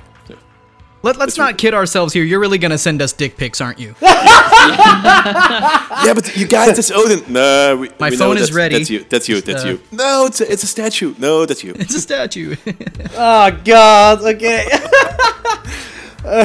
Okay, but that statue supposed to be the demon that Merrin defeated years before, right? And also, it's called Pazuzu, but I know it's called Pazuzu, but I have to admit I know it from the sequels. I don't think they ever call the demon Pazuzu in this movie. Am I right? Uh, I think it's uh, I think it's actually Heretic two, uh, Heretic, uh, the second movie that that they named it, but I think Oh, uh. I, I believed in I believe it's referenced to in the book. I'm not sure about that, but yeah, in the book it is, and but not in the movie. I was waiting to see if there was a reference to it because I couldn't remember. Because just like you said, it's like we all know it. It's like it's like with Halloween. Yeah. Everybody knows that you know that Jamie Lee Curtis, Michael Myers, you know, it, it, they're- they're brother and sister. But if you know if that first movie was the only thing that existed, that, that was never there, and so you wouldn't know that like we all know now. So that's how I felt too. I was like, hey, I, I thought the same thing. Like, hey, they never actually say Pazuzu in this movie.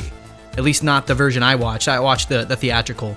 yeah, me too. Me too. Me Yeah. too. yeah, same.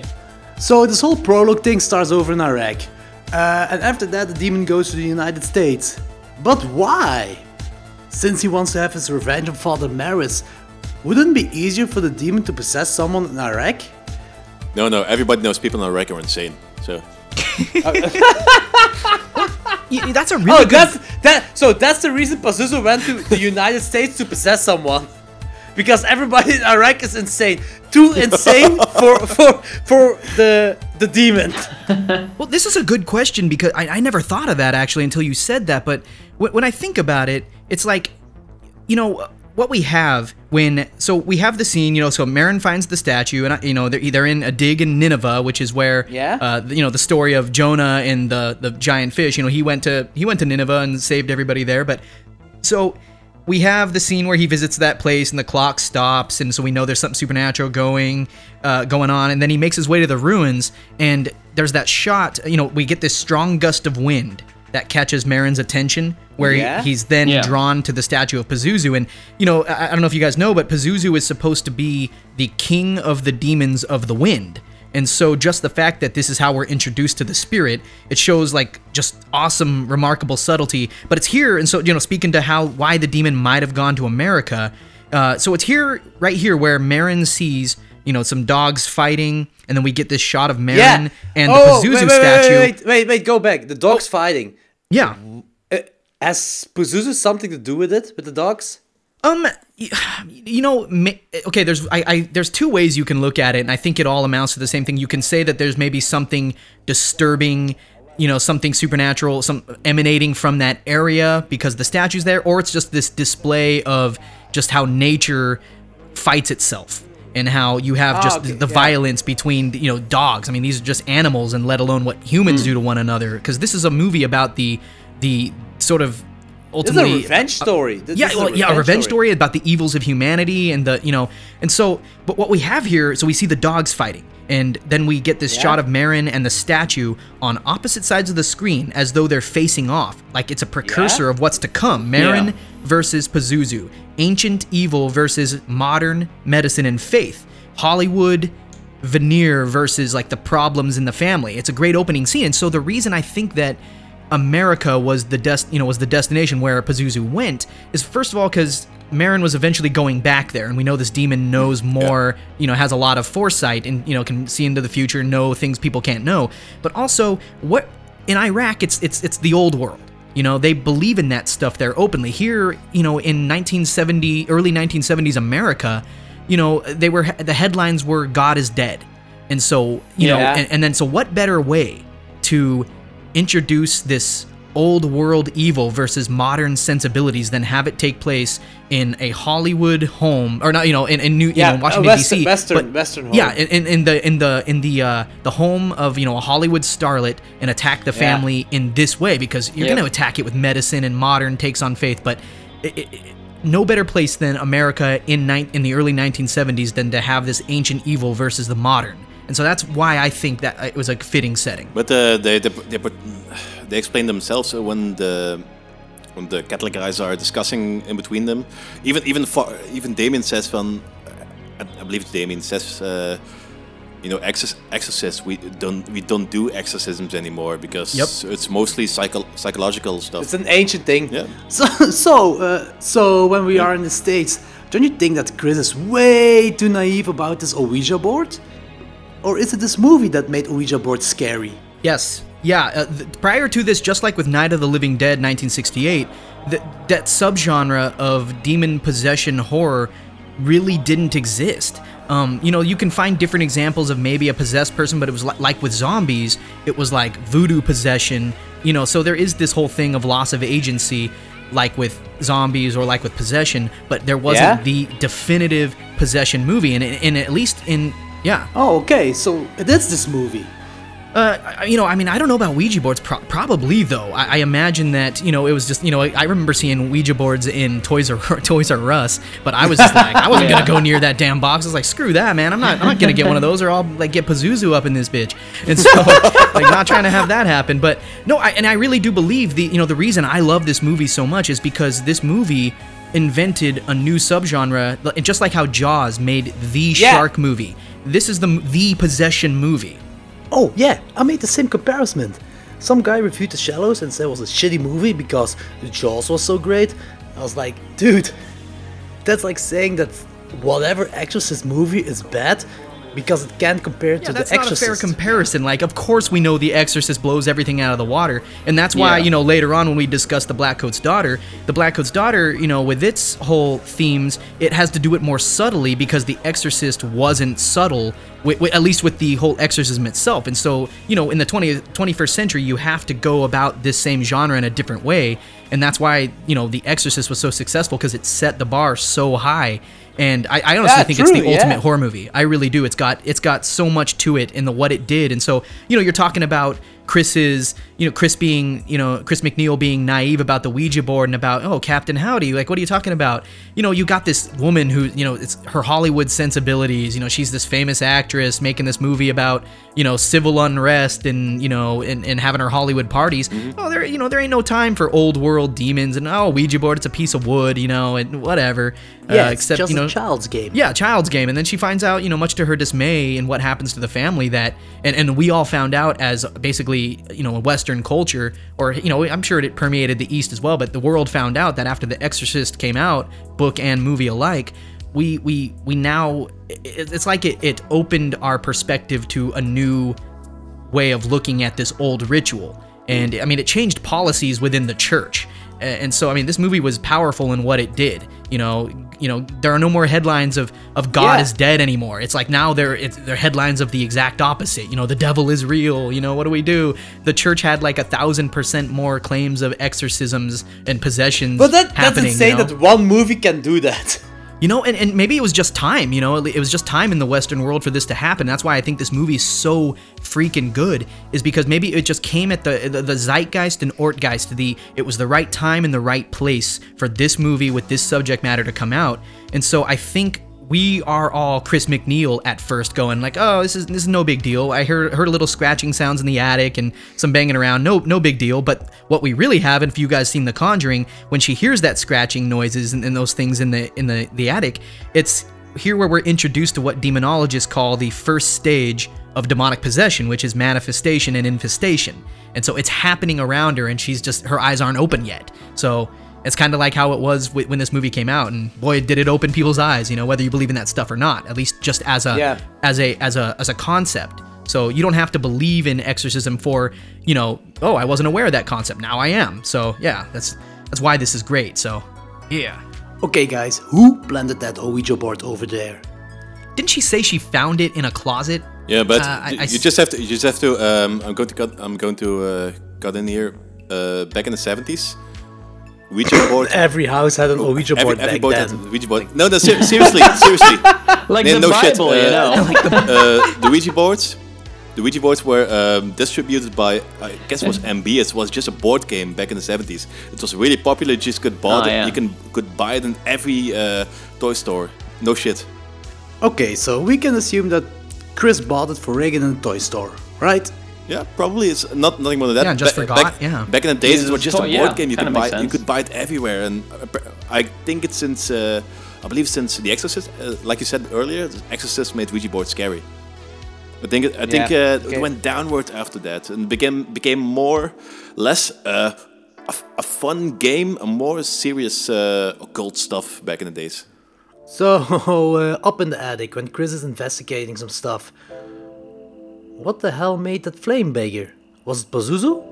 Yeah, Uh, I I, th- I think so. I I think what the you know because demonologists call To scare her, then. Yeah, they call this the first Yeah. stage of demonic possession, you know, which is manifestation and infestation. I think that is according to that type of lore, when in that type of belief, when the spirit first makes itself. I, I guess it hasn't revealed itself as what it is yet. It doesn't do that till stage 2 Um, but at this point, it's I guess manipulating physical things just to make itself known. To, to I guess probably to gain entry, to, to get the curiosity flowing. I feel like that's the. So, Pazuzu was already in the house at that point.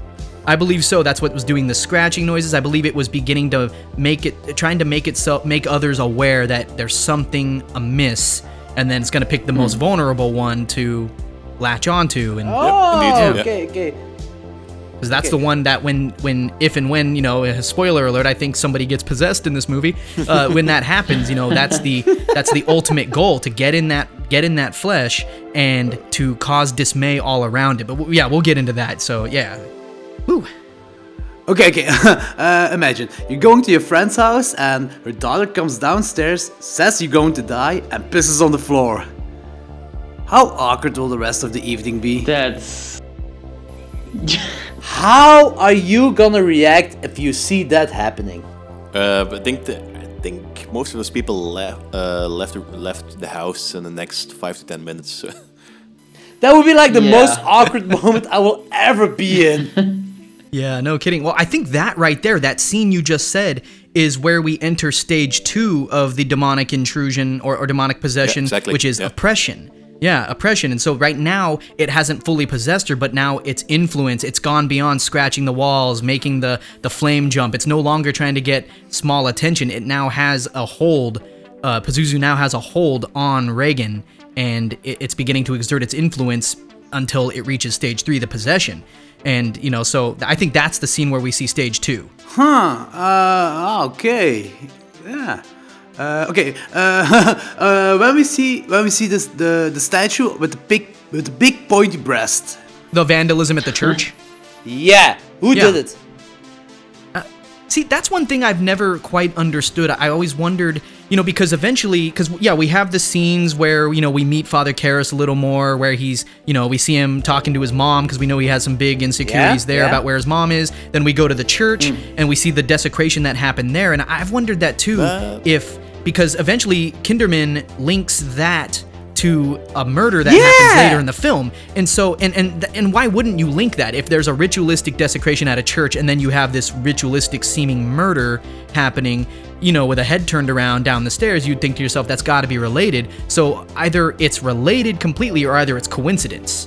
And uh, you know, and I, I'm not sure. What do you guys think? Uh, I you like think that, that the demon? But I think we have we have some some clay figures that we see uh, in the house. So I think Regan did it, but I don't know if oh, Regan herself did it or the possessed Regan did it.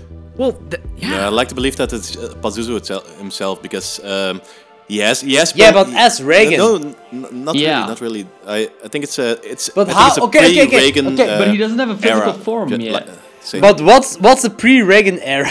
What, what's The that? pre-Regan- Is that- Regan is, era. Is it the ghost? No, no. Is, it- is, it- is, it- Reaganomics. Is, is it the ghost who, who, who stuffed some clay uh, on the statue, or how how did it get there? I don't there? know.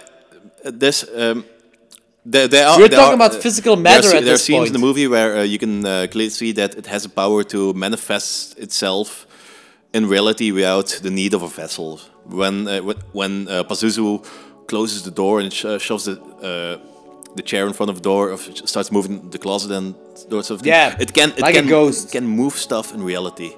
So Even in the beginning of the Alright. movie with the clock, um, when Merrin is Yeah, at that that, yeah. uh, that that Mhm. shop, uh, the clock stops. Oh yeah, okay. All It has right, a yeah, power that to it could sense. extend Yeah. itself out pre Regan to cause a desecration to get talk in the community, and then you know, I I mean, I don't know. It's all about, and even that desecration in the church, that vandalism is all about shaking faith. It's this this demon's goal is to make us, you know, question, Yeah. to doubt, and to Indeed, hate uh, ourselves. think- and what better way partly than it's, uh, it's, you know to do that? it's uh, to, to introduce the shaking faith, and I think the second part of it is to uh, let self. Uh, so uh, hey, you guys, I'm here. Fuck you. Yeah. Yeah, exa- exactly. I never considered that question before. Yeah, I'm weird about those things. oh man, that scene in the hospital when, when Regan gets that machine on her. That's That was my first jump scare of the, of the Oh, yeah. movie. And that has nothing to do with possession. It's just regular hospital stuff. Yeah. it's because everything in the movie is so tense. Yeah. It really works. Yeah. Oh, and those scenes are so horrible, guys. Like because, you know, I mean, just just the helplessness that we see in Chris MacNeil when she just has to watch her daughter uh, helplessly. She can't do anything Yeah, about this. Watch her yeah. daughter with this strange affliction, going through all these tests, and Oh, like, I had something similar yeah. happen to me, uh, except not a demonic possession. But my son, I, I was I used to work as a sales rep for uh, like, this uh, candy company and I, I got to do some traveling. And so I live on the west coast of the United States, and so I went to the east coast for a week to do this big uh, this big convention. Well, I get a call on my like second day there, and I can't leave. And I get a call that my son back home, uh, who was you know staying with his you know was staying with his mom while I was gone, uh, he his appendix burst, and Holy shit. he was yeah. deathly sick. And so I'm standing there just like uh, thousands of miles away, going like, wait, what what what do i okay like what i can't leave i, I really can't it, it'd be like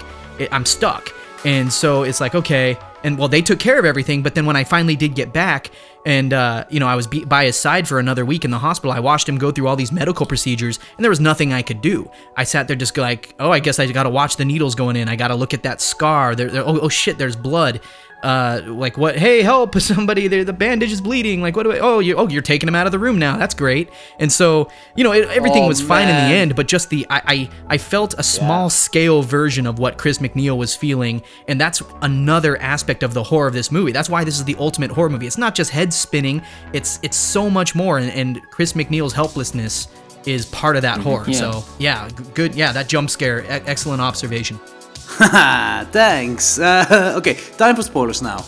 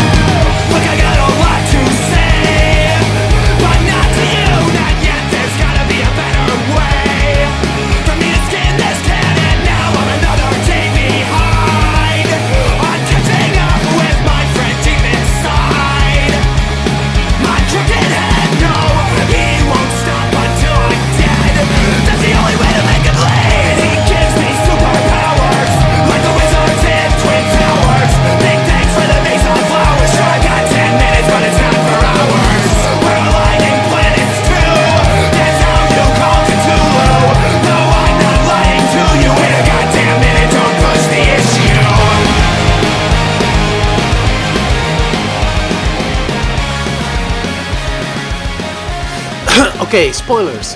Don't you think it would be cooler if you saw the aftermath of the dead Burke? Like his twisted head? More like a like an from beyond. Yeah, yeah. That, that, that, that might be that might be kind of cool. I mean, we, we do we do have Regan, you know, possessed Regan, sort of giving us a callback to that when she you know makes her Yeah, head go afterwards, yeah. yeah. And so when when- yeah, not not the spinning scene, but where she has it turn around, and it was like I was thinking, oh, Burke, it- yeah, okay, I see what you're I see what you're doing there. Oh, talking about Kinderman, he was right. Karras does look like a boxer at that point. Yeah, pretty much. and he was boxing in the movie at some Yeah. point. he was boxing in the movie at some point. yeah, he was. Yeah.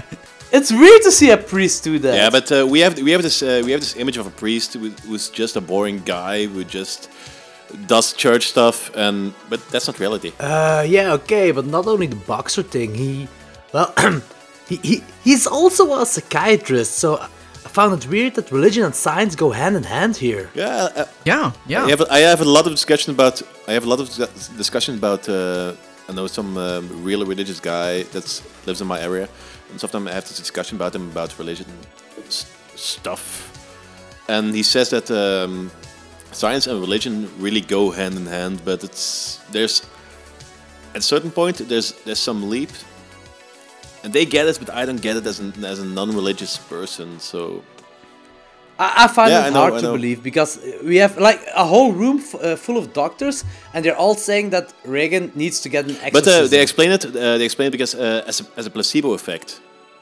Yep, They that's say- what I have written in my notes. Yeah. There's, uh, they say uh, the al- they really they say pretty clearly when we don't believe that the exorc- the exorcism um, really works, but it works as a placebo. Uh, you can uh, it's, it's pure psychological. You can make uh, a person a person believe that he's being exorcised, and because he thinks he's being exorcised, the exorcism really works. If it's just a But how do you how do you explain Father Karras then at that point? he has this uh, psychology background, and he is um, available to do th- to do that.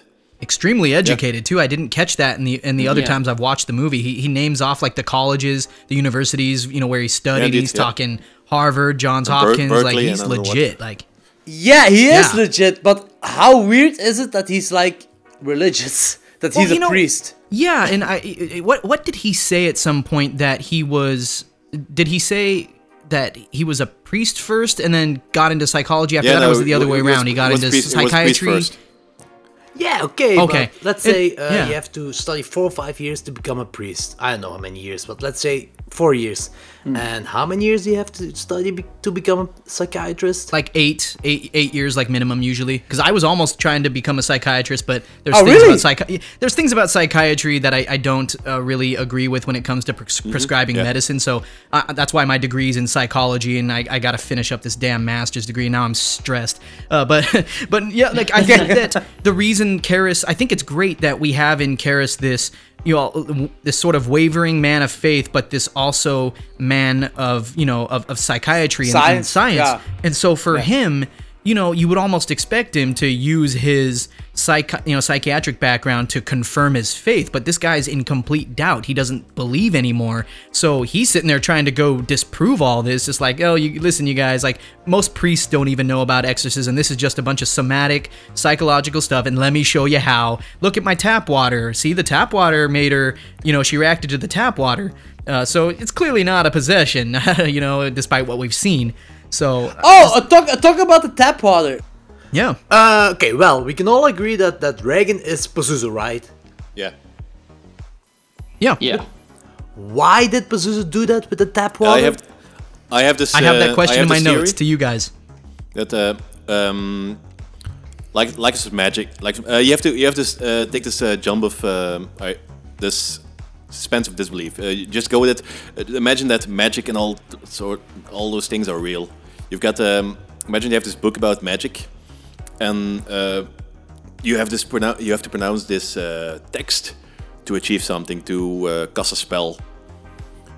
Um, I have this idea that um, the words aren't important uh, per se, but just the idea, uh, the idea, the intention is the real power behind uh, what you're doing, the spell you're casting. I think it's more or less the same over here because it doesn't matter if the uh, holy water, if the water has been uh, holied or I don't know what, just the intention. You're using water to uh, exorcise a demon that creates the real power.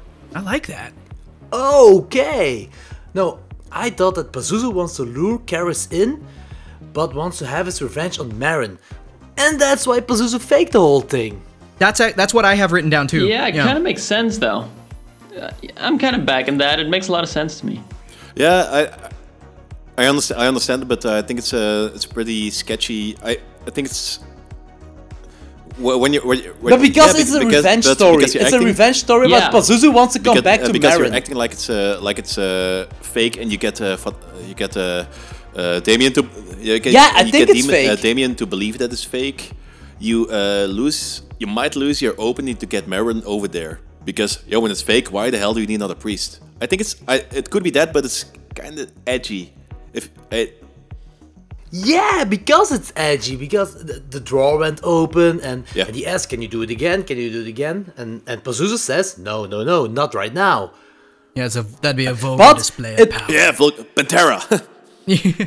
So right before the exorcism, Father Merrin asks Chris if Regan has a middle name. Do you guys know why? yeah, maybe, maybe something from the book. Uh, I don't think they're actually doing something with it. I could, could have been that there's some sort of cutscene or. well, uh, I investigated it. Of course you did. Uh, okay, uh, so in the in the Middle Ages, Catholics gave their children several names, so it belie- it would believe that those names would hinder Satan to know the, the child's real name. Satan could control their soul uh, when they know the real name, and I Oh, think right. that's why that um, that Father Merrin asked the, the middle name. That's interesting to know. Just uh, That's a good theory as well, though. I'm backing that. Was it Karras who asked the middle name? no, Merrin. Oh.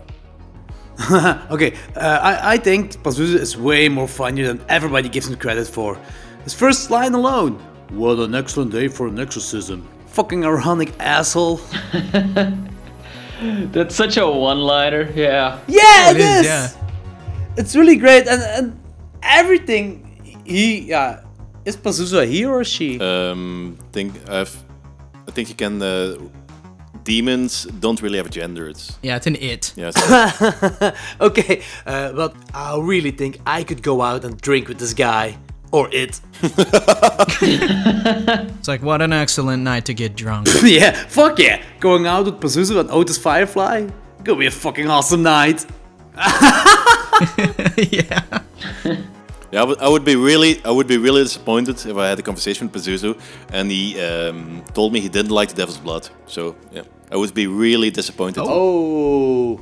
And Pazuzu would have some good pickup lines. You know, he he, he seems to uh, you know, there, there are certain things he said. Oh, Pazuzu, Pazuzu has some magic tricks up there. He can twist his head, do the spider walk on the dance floor. He could do good card tricks that impress the girls. Like, yeah. Yeah, he can! What an excellent night for me to get you in the sack. I really think Pazuzu would be the perfect wingman. I really Yeah, I think. think Pazuzu would just end up with the girl and you would be uh, whacking off at home. So Or like you you get the girl and then Pazuzu's like possesses the girl and then you're like, damn it, Pazuzu, you made me have with you again. Damn it. Well, wow, wow. every fucking weekend, every fucking yeah, every weekend. time. It's always you. Okay, okay.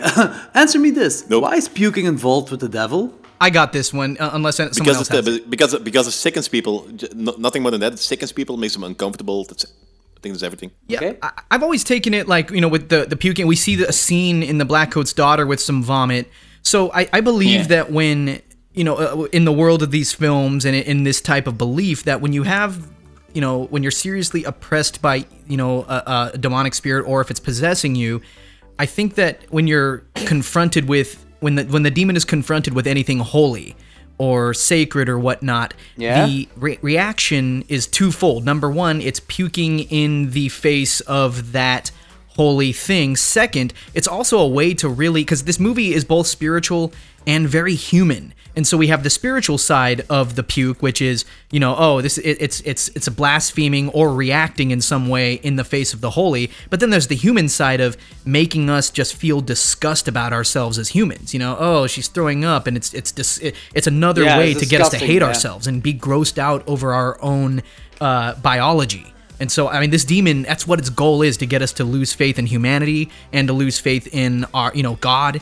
And so, I mean, just by the mere act of puking, by these body contortions, i i that's why I love the demon possession genre so much because it's so anti-human. Even if you don't believe in possession or think, "Oh, I'm not religious and this stuff doesn't scare me, it doesn't matter to me." No, there's there's so much more to it than that. At least with this movie, that it's anti-human. And if you have this being inside this this flesh that is hates humanity, wants it to despair, what's scarier than that? And so the puke to me is both spiritual and physical.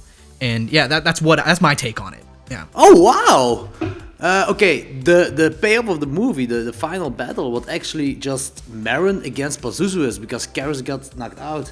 Um, and when Karras returns, Ma- Father Merrin is dead, and I'm actually really really glad that I didn't see him die. Yeah. The aftermath is way more scarier to see. I agree.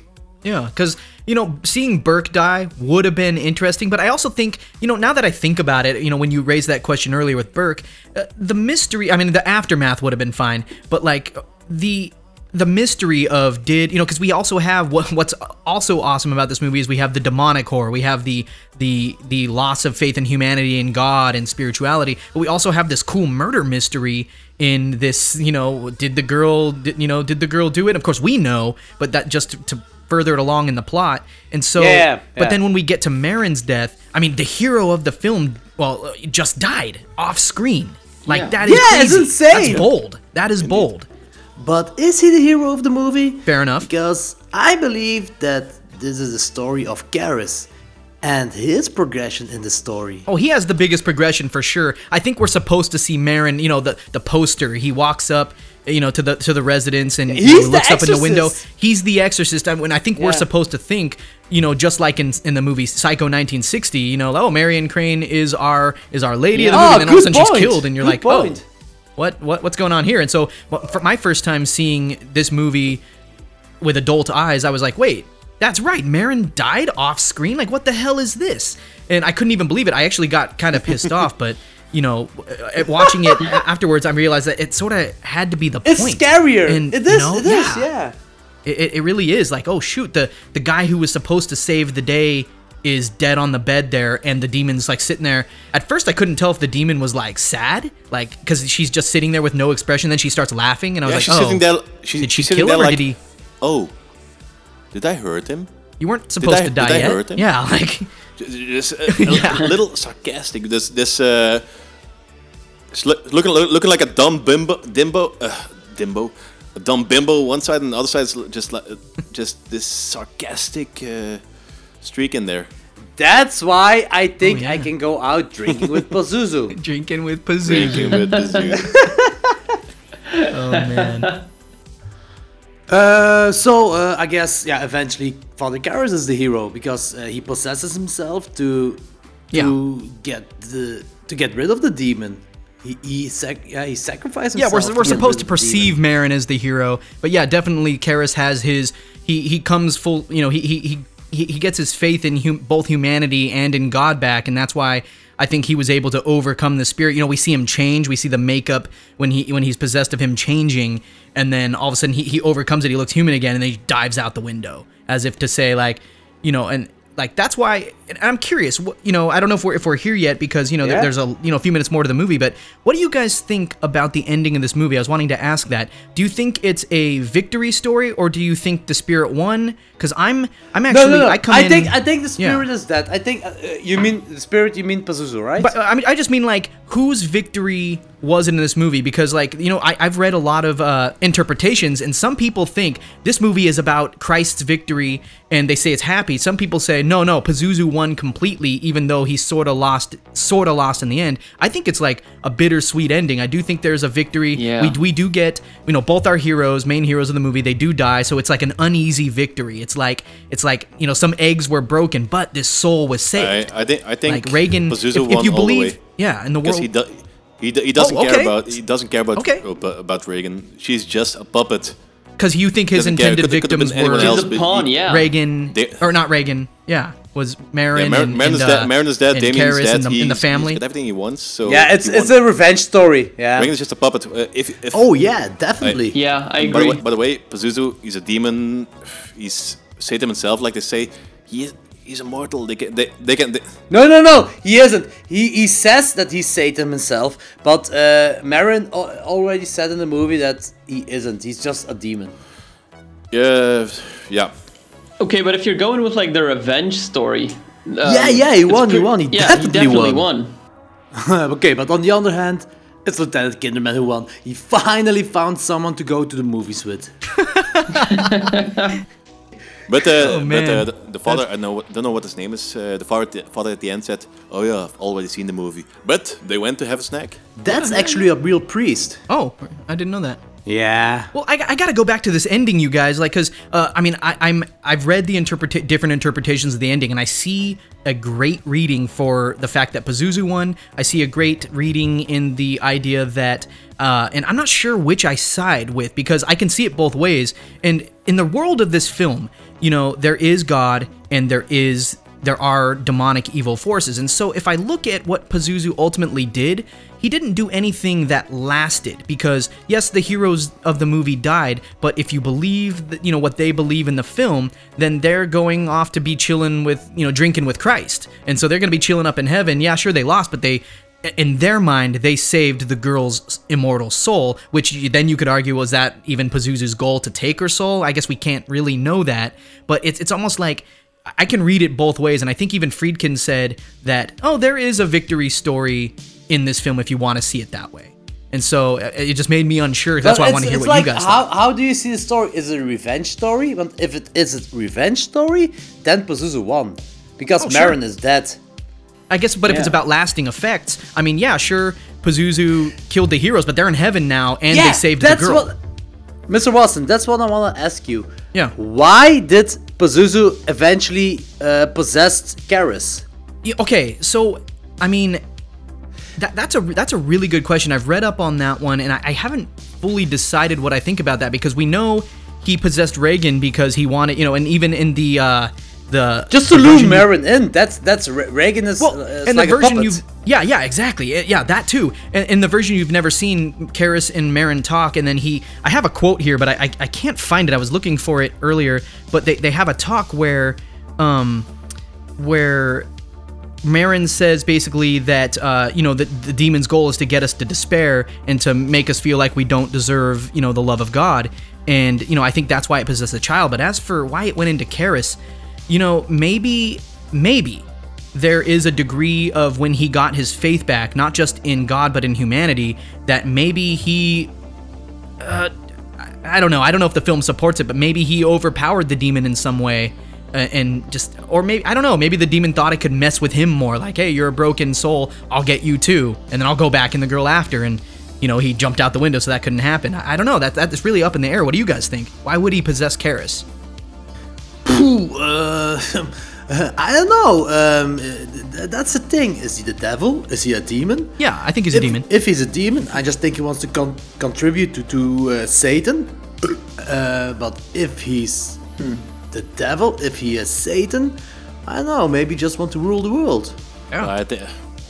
I mean, you can, uh, That's a rough question. Can, uh, really it's a tough one. by saying that um, yeah, he's a demon. He has uh, he thinks and he acts on a plane completely different than that we. s- I there were his actions can.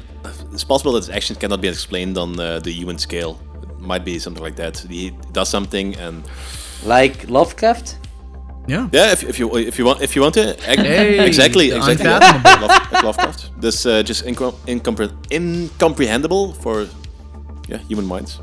And, and you know, I love that you just said that because I have talked with people who have, uh, you know, like uh, it, not Catholic exorcisms, but have done like Protestant exorcisms before, or at least, and Oh, you know, really? have, have claimed that, yeah, and have claimed that they've, you know, cast spirits out, or at least what they believe are spirits, or you know, or at Yeah. least helped the person with what they thought was going on, and you know, sort of did the the exorcism or the, the the dispelling of the spirit for their own benefit, you know, for the person's benefit. But in any case, what I've asked them, like, so you know, I've asked questions about this, and from because I'm a spiritual person too, but I, I am not like a fundamentalist by any means. You know, I, I'm I'm something. You mm. know, but anyway, like, and so I asked them, you know, what do you think the demon's motivations are? What do you believe they are?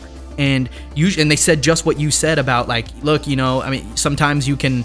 Uh, one really cool guy was just like, look, man, sometimes you can tell what they want. Sometimes it seems like just to just to cause misery and oppress, but sometimes you just can't know. You know, uh, supposedly the guy claimed that you know, ju- well, I'll even just say, just in the world of this film, we see you know things levitating, we see things shaking. Why do all that? Like you know. Uh, in every instance, you know there are other ways to display the power, but you know maybe this thing has just a mind so foreign to Whoa, ours whoa, that but, but, but in the movie, it's, it's it's a lot of stuff just to toy with Karras, right? Oh, absolutely that. You know, and to toy with the family and this attack on the home. I, I get that. It's just like why. uh, I'm just questioning its, uh, uh, bringing to, I guess, questioning its its methods of why did it, you know, why does it levitate things? Why not do this instead of that? You know, just like nitpicking. And you could just say, just just like you said, that it it does it just because we, we can't understand why it just does these ah, things. Why did it go Okay, into Karras? You know, I that, that could be an interesting interpretation. I've never really thought of that.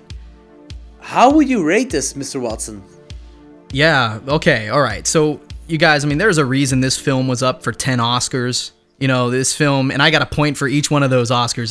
Uh, yeah, I mean, this film has it all. It's got the disturbing supernatural violence. We've got the most frightening demon in horror history who you want to go drinking with. We've got a twisted, uh, yeah, yeah, right. We got a, we got like this uh, this twisted murder mystery on our hands, and a, a uh, pun intended. His head's twisted around. We've got the potential destruction of a family. The exploration of how socioeconomic class, you know, plays into the events. We've got lofty themes of lost faith in God, humanity. We got the battle between good and evil, the struggle between ancient and archaic, modern sensibilities, these things. We've got great characters, one of the best scores in horror history. Guys, this is a masterpiece, and I've got no problem giving this a 10 out of 10. Like, it's Awesome! pure rock and roll. Pure rock and roll. Yeah, yeah, awesome, really awesome. Danny, how would you rate this? Um, I think it's a really cool movie, uh, and I think objectively speaking, I think it's one of the better, I think one of the best horror movies that has ever been made. Um, I don't think it's, it's going to be a movie that's, that I'm going to uh, would uh, pick out of my uh, uh, out of my uh, collection first if I have to pick some movie, but really like to uh, watch it once in a while and think nine and a half. Awesome. Would have been a ten if it was one of those movies that uh, that I would uh, select first when uh, selecting a movie. But it's not one of those movies. But it, I, I I I appreciate I appreciate that was a uh, good the es- score, man. It's just one of the best horror movies that's ever been made. So the power of Christ compelled us. Yeah. True, true. um, Whoopa. Logan's. Um, yeah, I think I'm gonna go with an. Hmm. I think it's hard to give movies 10 out of 10. I've only done it once before, and that was Psycho. Um, but this is definitely on the same level, actually. And uh, the first time I saw The Exorcist, I was so I was like a kid, and I was so scared of it. Uh, just the imagery is amazing, and it looks disgusting. So, yeah, I think I'm gonna give it a 10 out of 10 as well. Awesome! Holy shit! Yeah. Uh, okay, I have nothing more to contribute. Um, I uh, I love this movie. I really do. Uh, I never got really scared of that movie, but I get why people get scared of it. Uh, I give this movie a nine and a half, and that makes it that this movie got in our Hall of Fame. ah yeah, Hey. like a mouse. Okay, this was our take on The Exorcist, uh, and we will be right back with The Blackcoat's Daughter.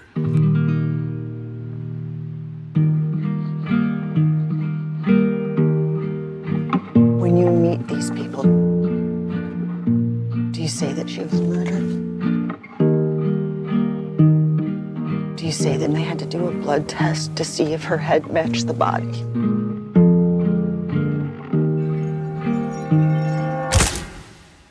Hey, Dad, just calling to see where you and Mom are, if you're coming.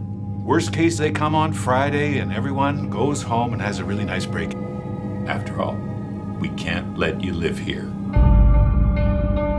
But you know about the sisters, don't you? They worship the devil.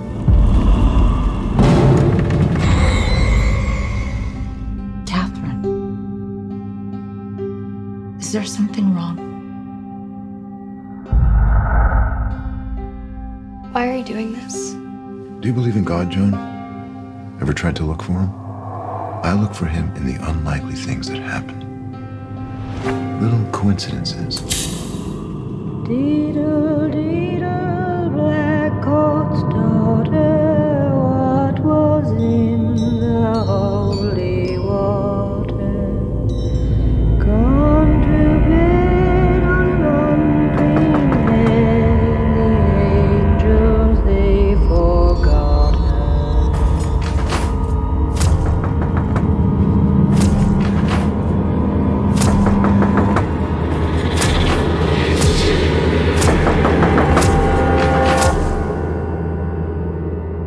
something funny? You smiled a little. Funny. No. Why? I mean, I just wish you could stay and see my performance. That's all.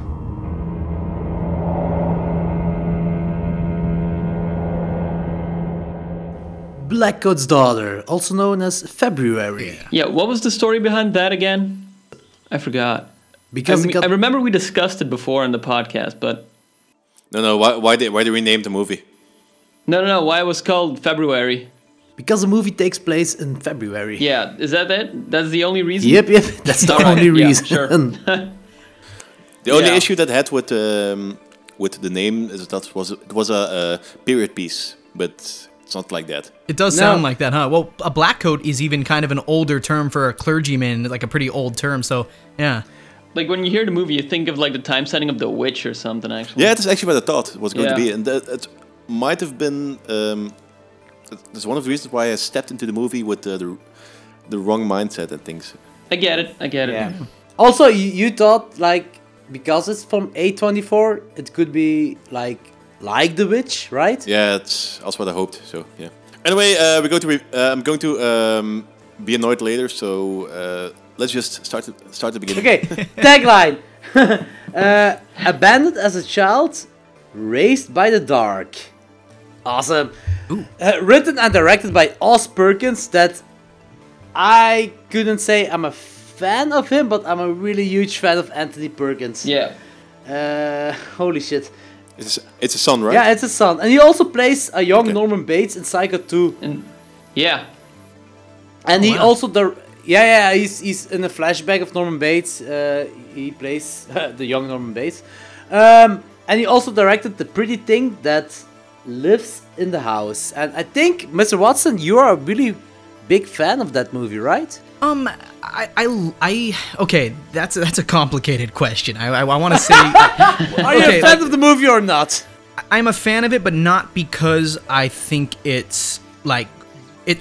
I'm purely a fan of it because of how it works on a technical level. I think it's a masterclass in how you shoot a film, and I like what the plot was trying to do. But honestly, as far as what we get from the film on an emotional level rather than a technical level, I, I it, it kind of it fell f- very flat for me.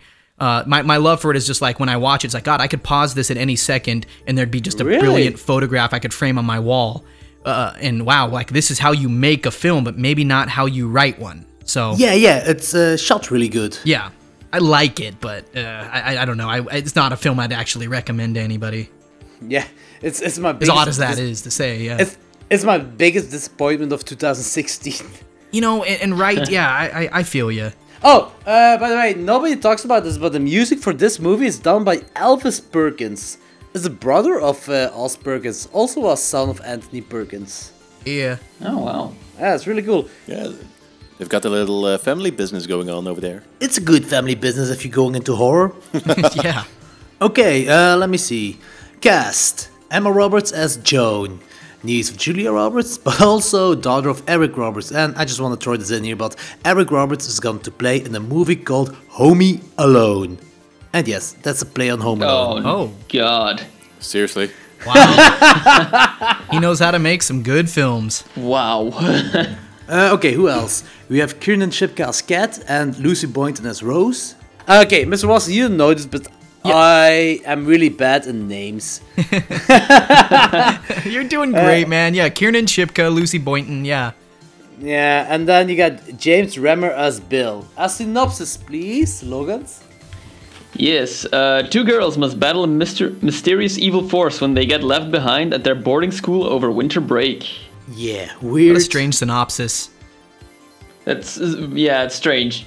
So we have three stories here. Uh, we got the two girls who got abandoned by their parents at a boarding school, and then you have the Joan's story. And without getting into spoilers, she's, she is running from something or or going somewhere. And yeah, we'll get into that later.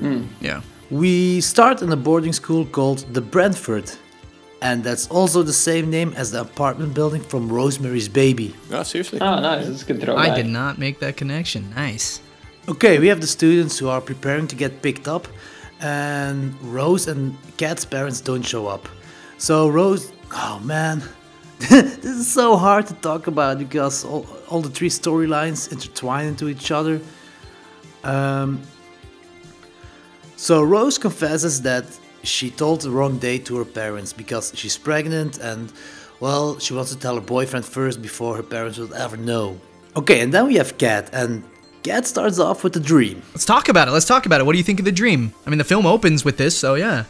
Okay, we have the car crash, and the first thing I thought about when I saw the car crash, I linked it to the death of her parents. Yeah. So I thought her parents died in that car crash. But uh, who's that guy next to Kat? The one that she calls daddy? Yeah, Yeah. is it her daddy? No, no, I really think that right here, and this is my opinion, but I think right here we have the demon is is basically showing her a prophetic vision of her dead parents, saying like, "Listen, okay, they're gone. You're you, you need a you need a new daddy, and baby girl, I got you, girl, I got you." No, but no, I, I really do think that though. I think he's just like he's showing her this prophetic vision of uh yeah the, the, that demon the black coat the black coat Yeah, uh, the black coat. Yeah, yeah, the black that- coat yeah. and uh, Pazuzu are gonna go out drinking, uh, and we're gonna score. Well, I think uh, Kiernan Shipka's got to get a bit older, so never mind. I won't make any jokes about about that. But uh, we can we can talk about Emma Roberts uh, being a pretty lady. But yeah, I just think the demon is showing her a prophetic vision of her dead parents and basically trying to gain admittance into her life, and I think that's step one for it. So Okay, yeah, yeah, okay. That's what that's that is what I was thinking. That the guy in the black coat isn't the dad, but yeah, yeah he, he's a demon. No, because the dad is is not even there. She's still counting when she wakes up. She's still counting down the days on the calendar. You know that uh, of of February. Yeah, that yeah, y- yeah, but she still thinks that the, that her parents are coming. She refuses to get behind the truth. Well, that's her storyline. You know, her storyline, much of the Kat's storyline, because, you know, this film's told in three chapters, and much of the Kat storyline is, you know, are my parents coming or aren't they? Is this dream real? And then, you know, of course, we know that she gets, you know, kind of mixed into some dark influences, uh, you know, later on in the film. And so I think there's just a big doubt there about, you know, who's she talking to on the phone, you know? And of course, this, you know, anybody who hasn't seen this and is listening to the spoiler free section is like, what phone? What are you talking about, Watson? But, you know, who's she talking to on the phone? Who who was that person walking with her in the dream showing her this crash? I mean, her dad is in that crash. So it's not him. Uh, yeah, yeah, but but isn't she isn't she just ignoring the truth? Probably. And uh, she and you know we we both know that she comes to accept the truth, and we we come to find that that truth is in fact truth. So possibly it was a time for her to adjust. I, I think to it. Huh? Oh, oh yeah. Okay, so uh, we have Cat and Rose, and they're both opposites of each other.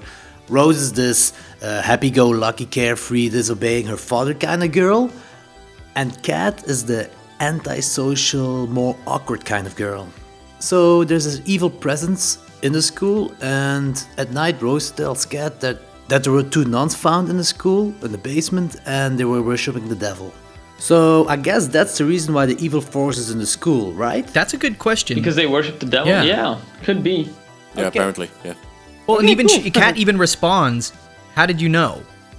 And and I'm you know not to get too deep into spoilers, but at this point, you know, because this narrative is very it's very like much like Pulp Fiction, where it's all mixed up. And at very this complex, point yeah. in the film, we you know not upon first watch, you you don't think anything of it when she asks that question, "How did you know?"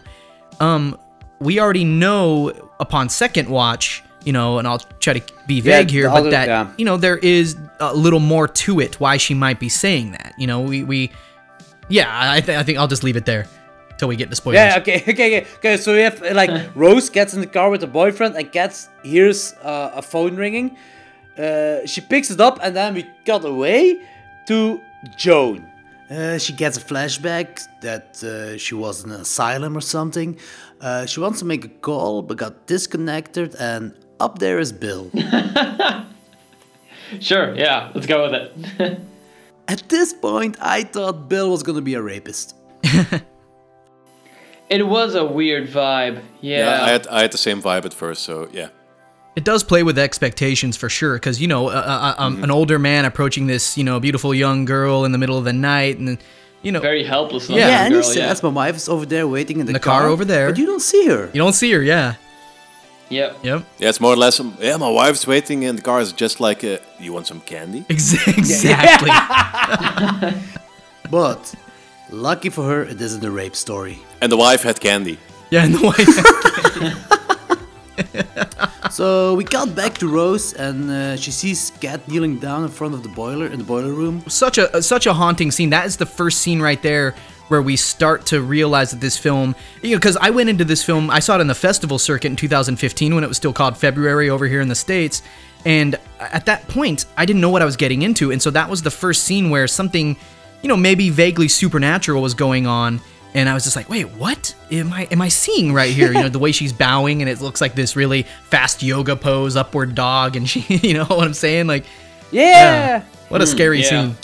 Uh, okay, fuck. This is uh, really hard to talk about without spoilers. C- Can we just go with spoilers? Yes, we can. Let's do it. Uh, so, for the people who didn't watch the movie, stop this podcast. Go watch the movie and come back. There are a couple of scenes who are legit scary. Um, it's a slow burn. It's a really slow burn, but the payoff is incredible. Definitely. I love the payoff. Yeah. Yes. It's maybe hard to focus, but everything's important to the plot. It's a very atmospheric film. Don't go on your phone. Just watch the movie. Yeah, that that that might that might have been that might have been my problem. I I got bored after I think like half an hour or something like that. So I start being um, um, distracted by my smartphone, maybe. Yeah. M- maybe, maybe. I kind of get it though because it's really a slow burn. Uh, yeah, but I, I like slow burns, but I wasn't really convinced by. Ah, too bad, Danny. I really think this is a masterpiece. Uh, okay, but uh, first, let's get into spoilers. In the garden,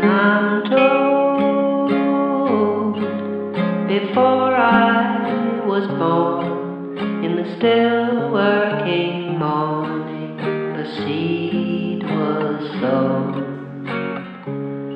Both the lamb and the lion were unnamed and unknown. Okay, first, when you watch this movie or any movie in particular, put your smartphone in another room and Yeah. go go watch the movie.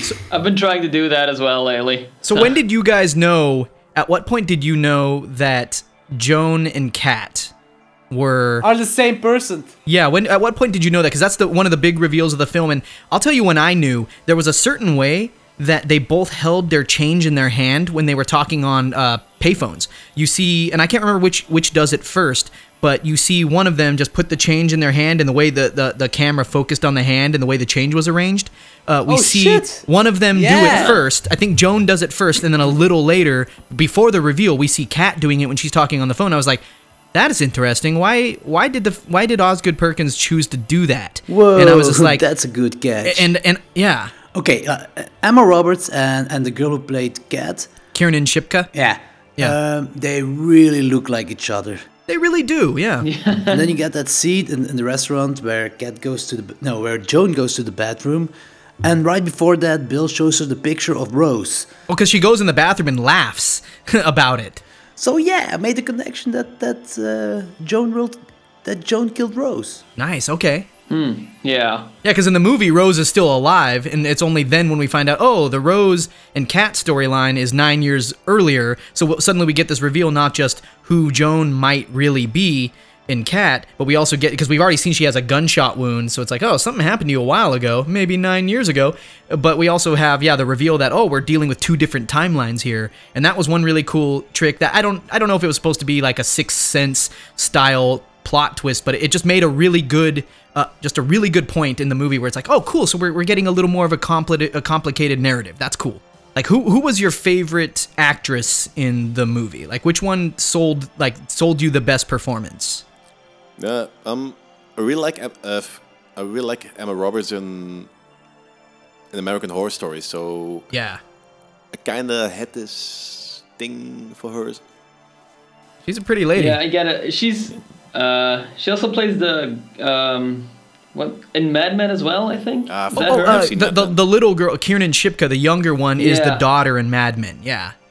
Oh right, yeah, yeah, that was Yeah, it. of course she was a lot younger. I, I didn't even recognize her until I saw her name in the credits. Yeah. I was like, wait a second, what? That, oh yeah, that was little Sally Draper, Yeah, you that's know. insane, and she sure has, you know, grown into a pretty young lady. And uh, oh, I, she sold this movie for me. You know, her performance was. I I can't wait to see her in more in more projects. She she's fantastic, and even Emma Roberts too. Like she usually plays this bitchy character in all of her, you know, American Horror Story. It's like she's I'm snarky, I'm saying a smart comment, I'm really really Yeah. pretty, and and it's like you are right. But then in this one, she's so subdued and so quiet, and it's just so like just just pulled pulled back, and I really liked that. I thought that was yeah, a really th- good. That, that's that's something that defines a uh, great actress or great actor to Yes. be able to uh, uh, portray different personas, uh, different I loved it. personalities. yeah. Also in a very subtle way. Uh, Exactly, like the scenes in the back of the car. You know, when, when we find out in the narrative that she is going to the same place that, uh, you know, the older couple who we find out, you know, that's Rose's parents. When we find out they're both going to Bramford for, you know, t- two different, two very different reasons. Um, just her expression as she's sitting in the back seat, and some when some of the conversation is happening, it, happening, it, it's it's so clear that wow, this she really does have this awesome internal monologue going on, and I felt Emma yeah, Roberts you feel sold it. something's off. Yeah. Yeah. Okay, uh, we can all agree upon that she she was uh, she was possessed, right? She was she was also psycho, but also possessed, right? She was at one point. I, I don't like yeah, and I think when, when we get to yeah. Oh yeah, oh yeah, yeah, yeah. Uh, not not as Joan, but she went back to the school to get possessed again. Well, ex- well, what this is, what this whole movie is, and, and that's what's so beautiful about it, is it's the it's the aftermath of a successful exorcism. Like, Cat, young Cat, played by Kiernan Shipka, gets this demon exorcised out of her, and it, this thing can't come back. It, it is forbidden to come back. And so, in, in the Joan's storyline with Cat nine years later, it's her goal to find it again. And just the way the ending ending happens, and what we find out with whether it comes back or not, and just that kicker of an ending as she's sitting there, standing there crying, it's brilliant. Like the exorcism was successful, but yet it left such a big hole in her life that God won. Like how oh, crazy oh, is oh, that? yeah, I agree, dude. Uh, the, the, the devastation of her is twice as hard because she uh, she realized that the evil is gone. Oh, absolutely. And you know, this demon preyed on her when she had lost her parents. You know, it's like it's sort of like a rapist that comes up and is like, "Hey, what's up? You know, hey, I know you're, I know you're, you know, you're, you're an old young lady. You're 12, but hey, let's go do some stuff." And it's like, "Hey, this girl doesn't know any better. Falls in love with this demon, this this rapist, this person that's intruding in her life, and it, and she doesn't know any better that she's this victim of this thing that doesn't mean her." Any like it, it's it means her ill will it really does and uses her as a tool for itself you know to kill and yet she's so brainwashed by it out of because of the grief of her, the loss of her parents and when it intrudes you know it- she still mourns it these nine years later and that's what makes it this dirty kind of tragic thing when she doesn't get it back in the end she performs the ritual just like she did nine years ago and, and coincidentally Yeah. it's the Yeah. parents of the girl she killed before and she still doesn't get it back and it's this like whoa is this a victory or what am i looking at here you know great stuff Ah, brilliant. Okay, uh, when when Joan kills Rose's par- Rose her parents, uh, she throws up. you know i Yeah. Uh, my theory for that is, well, she never killed before. Yeah. oh wait wait she strangled somebody to get out of the mental ward Yeah, but that's we something do see a flash of it self-defense. I don't know. maybe you know it, it was different. it was a means to an end but this was a much more brutal slaying i mean Yeah, it's very you know, gory. you know because i mean she had to behead these people Sta- I mean, stabbing is very intimate and so is Yeah. strangling but the the lack of the blood you know you could string i feel like i could strangle somebody and have an easier time when i sleep at night than if i stabbed them to death and then beheaded them i feel like i'd have a I better don't know. When you strangle someone, you use your bare hands. You oh. don't use like a tool, like a knife. You know what? so I love that you just said more that because I personal. fe- I honestly do feel like the best way to kill somebody is with your bare hands. Because like if it's a rocket, no, really, no, like check it out. Hold on a second. Hold, hold, like, hear me out. Hear me out, guys. So like if you're using like say a rocket, okay, and you you blow someone Yeah. up from another country, that's so impersonal. If you're if you got like Oh, a that's sniper true, rifle, yeah. if you got a sniper rifle, it's a mile away. It's still impersonal. You got a gun across a room, still impersonal. A knife. Better, but with your bare hands, there's no more pure way to kill another human being than with your own flesh.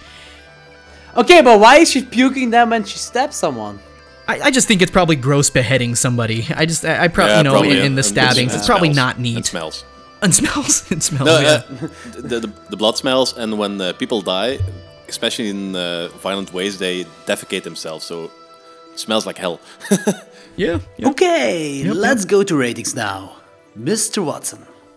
Okay, I have one question with for you guys before we get into ratings. Um, Okay. I have rated this on my show, but I have a different uh, a rating that I want to put on this show as my new okay, official okay, rating. okay. Um, Yeah. So my, my question, and this is like the one and only dislike I have of the film, because I've already said that it's my number one movie of the year, but there's something Yeah? in the last watch that I did that I can't ignore. And I want to know your guys' thoughts on it because I'm, I'm grappling with it. And if, if I could be talked out of it, I feel like I could give this an even higher score than the score. Well, I, mean, I don't know. It's, I've already, I'm already rating this high.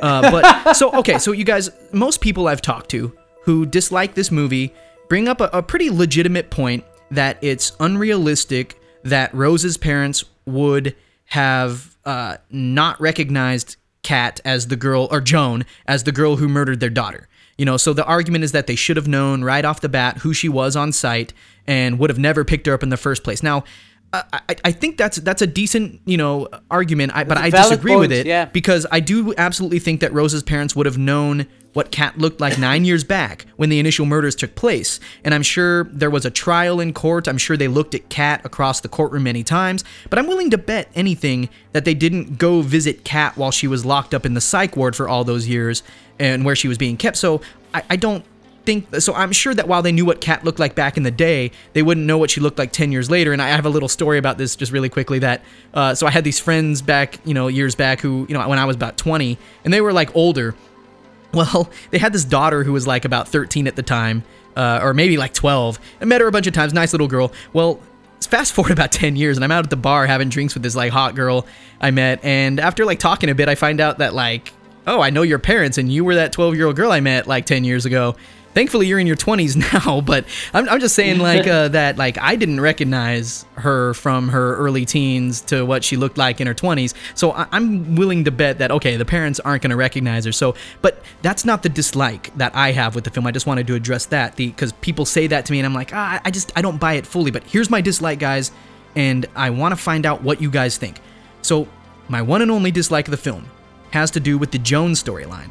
And it's something that like I don't know. It might come up on you know in your review on rewatches of the film. So okay, at this point in the film, we've established that Joan and Kat are the same person in different timelines. Okay, we've established the fact that Kat and Joan have brutally murdered Rose, and now it's nine years later, and she's in a car Yeah. with Rose's parents, and they're both traveling to the Bramford school.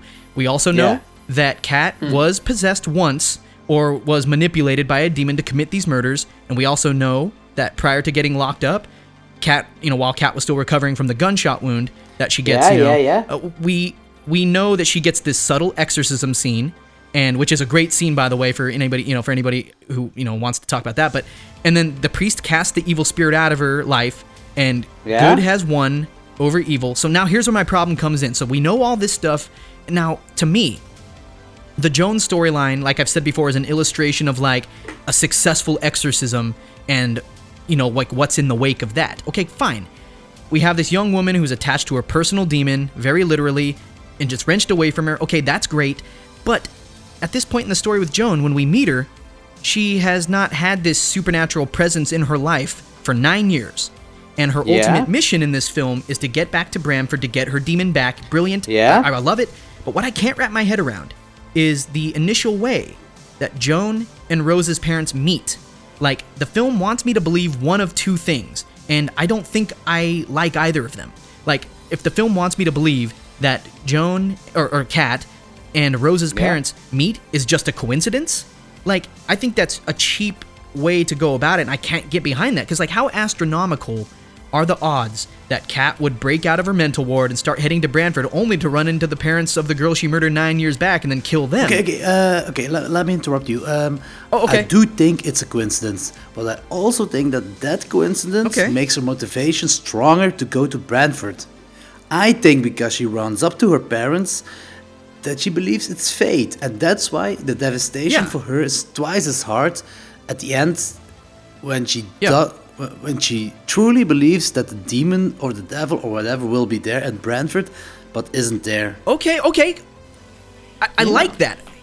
You really do think it's co- even despite the astronomical odds? You, you really because I like your take on that. I actually hadn't considered that. That despite the coincidence, uh, uh, not Joan, Kat takes it as a sign because the other thing the film I think would tell us if it's not coincidence is like no, there are supernatural or divine forces that are pulling strings here, and that's why they met at the bus stop that night. And I No. like that idea, but I don't believe it because the film doesn't support that because you know because I have I have talked to people who say no no it, the demon or was influencing them to meet, but we have evidence that this demon the demon is cannot gone. come back in her life. It's gone. Yeah, and so it's gone. it can't Hmm. be uh, a spiritual machinations and pulling of the fates, you know, strings of fate. And so, you know, because the exorcism was successful, and we see that in the end when she performs the ritual, it th- th- that boiler light is still off, you know, because it kind of represents the demon.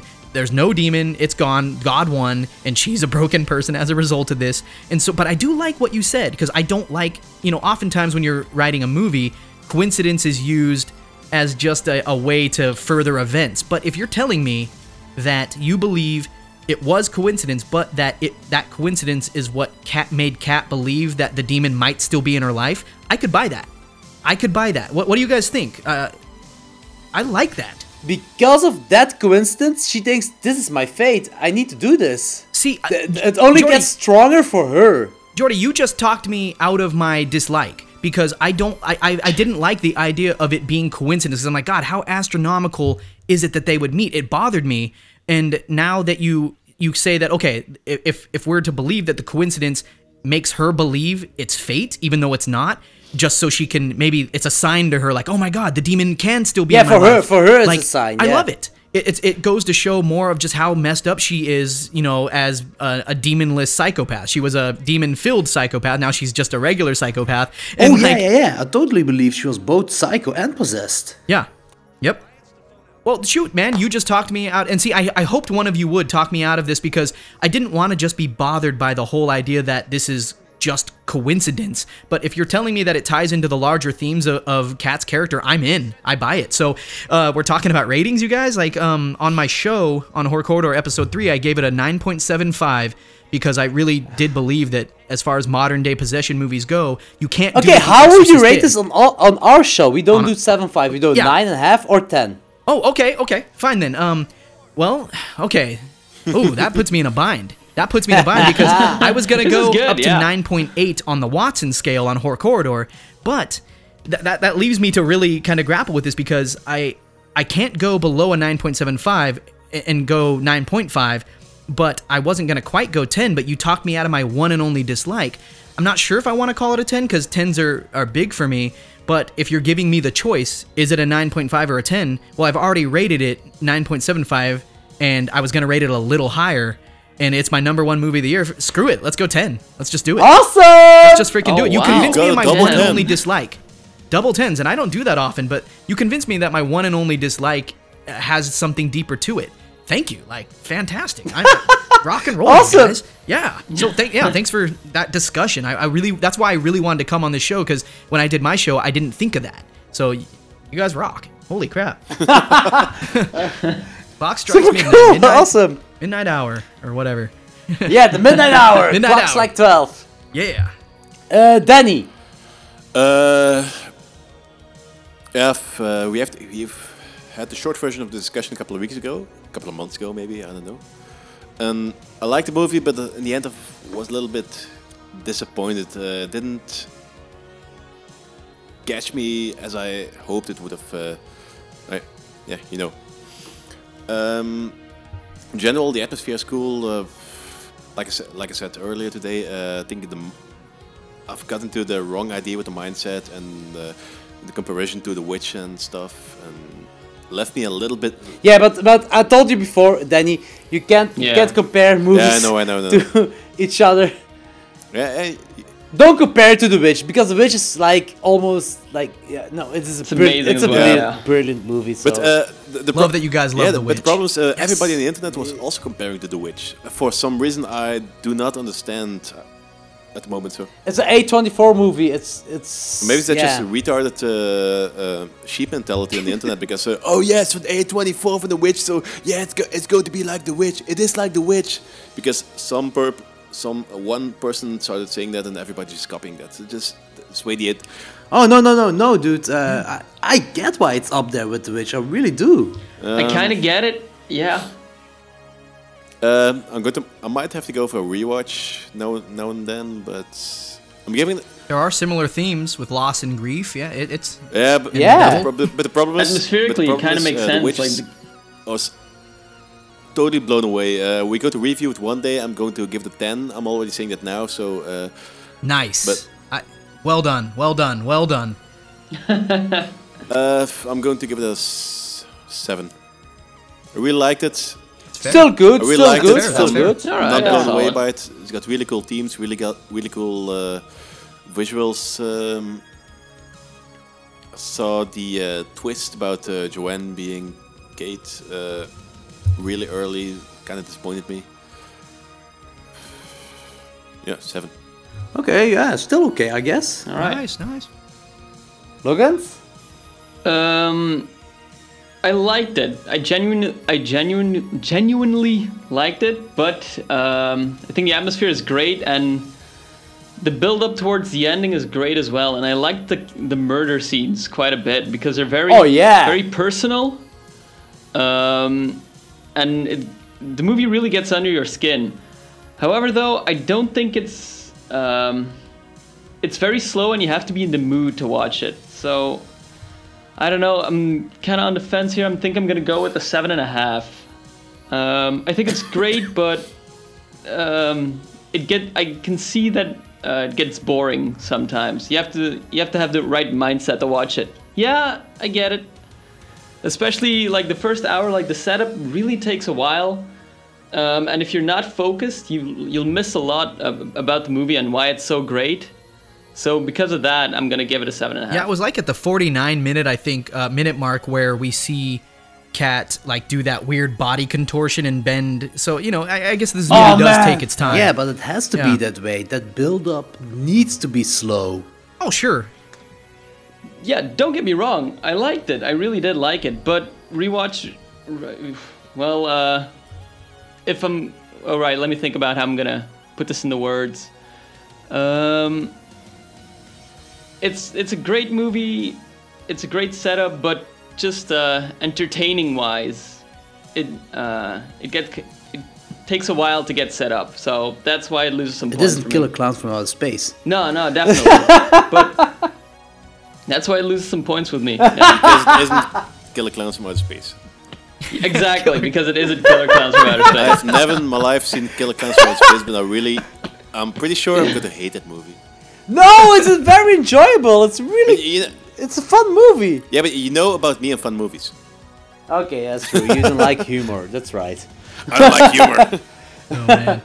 Wait, J- Jordy. Okay, I will go up next. Wait, Yeah, Jordy, Jordy, uh, wait. Before you go, uh, you know, one of you mentioned about you know having you know maybe trying to you know rewatch the movie again to you know uh, uh, to to see it a little differently maybe. And uh, I just wanted to say I caught one thing, and I, I meant to say it earlier. I'm sorry, guys. I, I'm not trying to interrupt you, uh, Jordy or Yordi, but. Uh, th- I noticed something I never noticed before uh, in, in this movie this time around, besides that dislike you talked me out of. But when we see Kat in, and we see it two times in the film, when we see Kat in Rose's room, and we see her looking at Rose's picture, the one where you know where she's smiling in front of the clouds and uh, you know in front Yeah, of the cloud yeah, background, yeah. and the way she rubs the picture, she rubs her thumb across the neck as though to say that she is going to behead Oh, shit. Rose. Yeah, it happens twice in the movie. So watch, watch. It's very subtle, but I caught it this time when yeah, she you see her Yeah, kind of. I of. never saw it. I never yeah, saw it, you, you just look, you just see her looking at the the photo, and it's like still in the envelope that those like class photos come in, and she just like you, she sees the face, and she just brushes her thumb across the neck, like it's so subtle. Just watch for it and just go like, oh, Holy like, shit. Yeah. So yeah, sorry, I just I had to that's say some that. awesome foreshadowing. That is foreshadowing in such a great way. I loved it, and that that was yeah another reason why I was just like whoa, like I didn't I didn't say that on my episode, so yeah. Anyways, thanks. Okay, uh, I guess I'm up next. Uh, okay, I really think this is a brilliant movie. This is filmmaking at its best. Uh, I give it a nine and a half without a doubt. Without a doubt. Um, I also I, I really don't get why this would be considered as a boring movie. Yeah, but that might that might be uh, one of those things from uh, the current age, the, the age of information, the age of the internet. Everything is so fast-paced, and people, everything is so fast-paced, and e- people want everything to be fast-paced too. Movies have to be fast-paced, music has to be fast-paced. I think it's one of the problems of current times. I think. Okay, I kinda get that, I guess, but uh, this, yeah, this is definitely not a fast-paced movie, but also definitely not a boring movie. Yeah, I stand by my rating 9.5. Yeah. All right. Yeah, very good. Okay, let's wrap things up, guys. Um, this was our very first English talking episode, and Mr. Watson, thank you so much for doing this with us. Uh, Yeah. do, we, do, thanks. we have to, Dankjewel. do we have to put a disc? Do we have to put a disclaimer up front But sorry for the uh, crappy English uh, that we're using? But Oh yeah, I'm gonna you do that. Yeah, I'm perfectly definitely gonna do this. understandable. Come on. we'll have to do this. we- We'll have to do this more often, so we get in.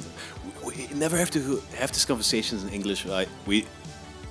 So it's kinda. Yeah, it's new. It's new. new.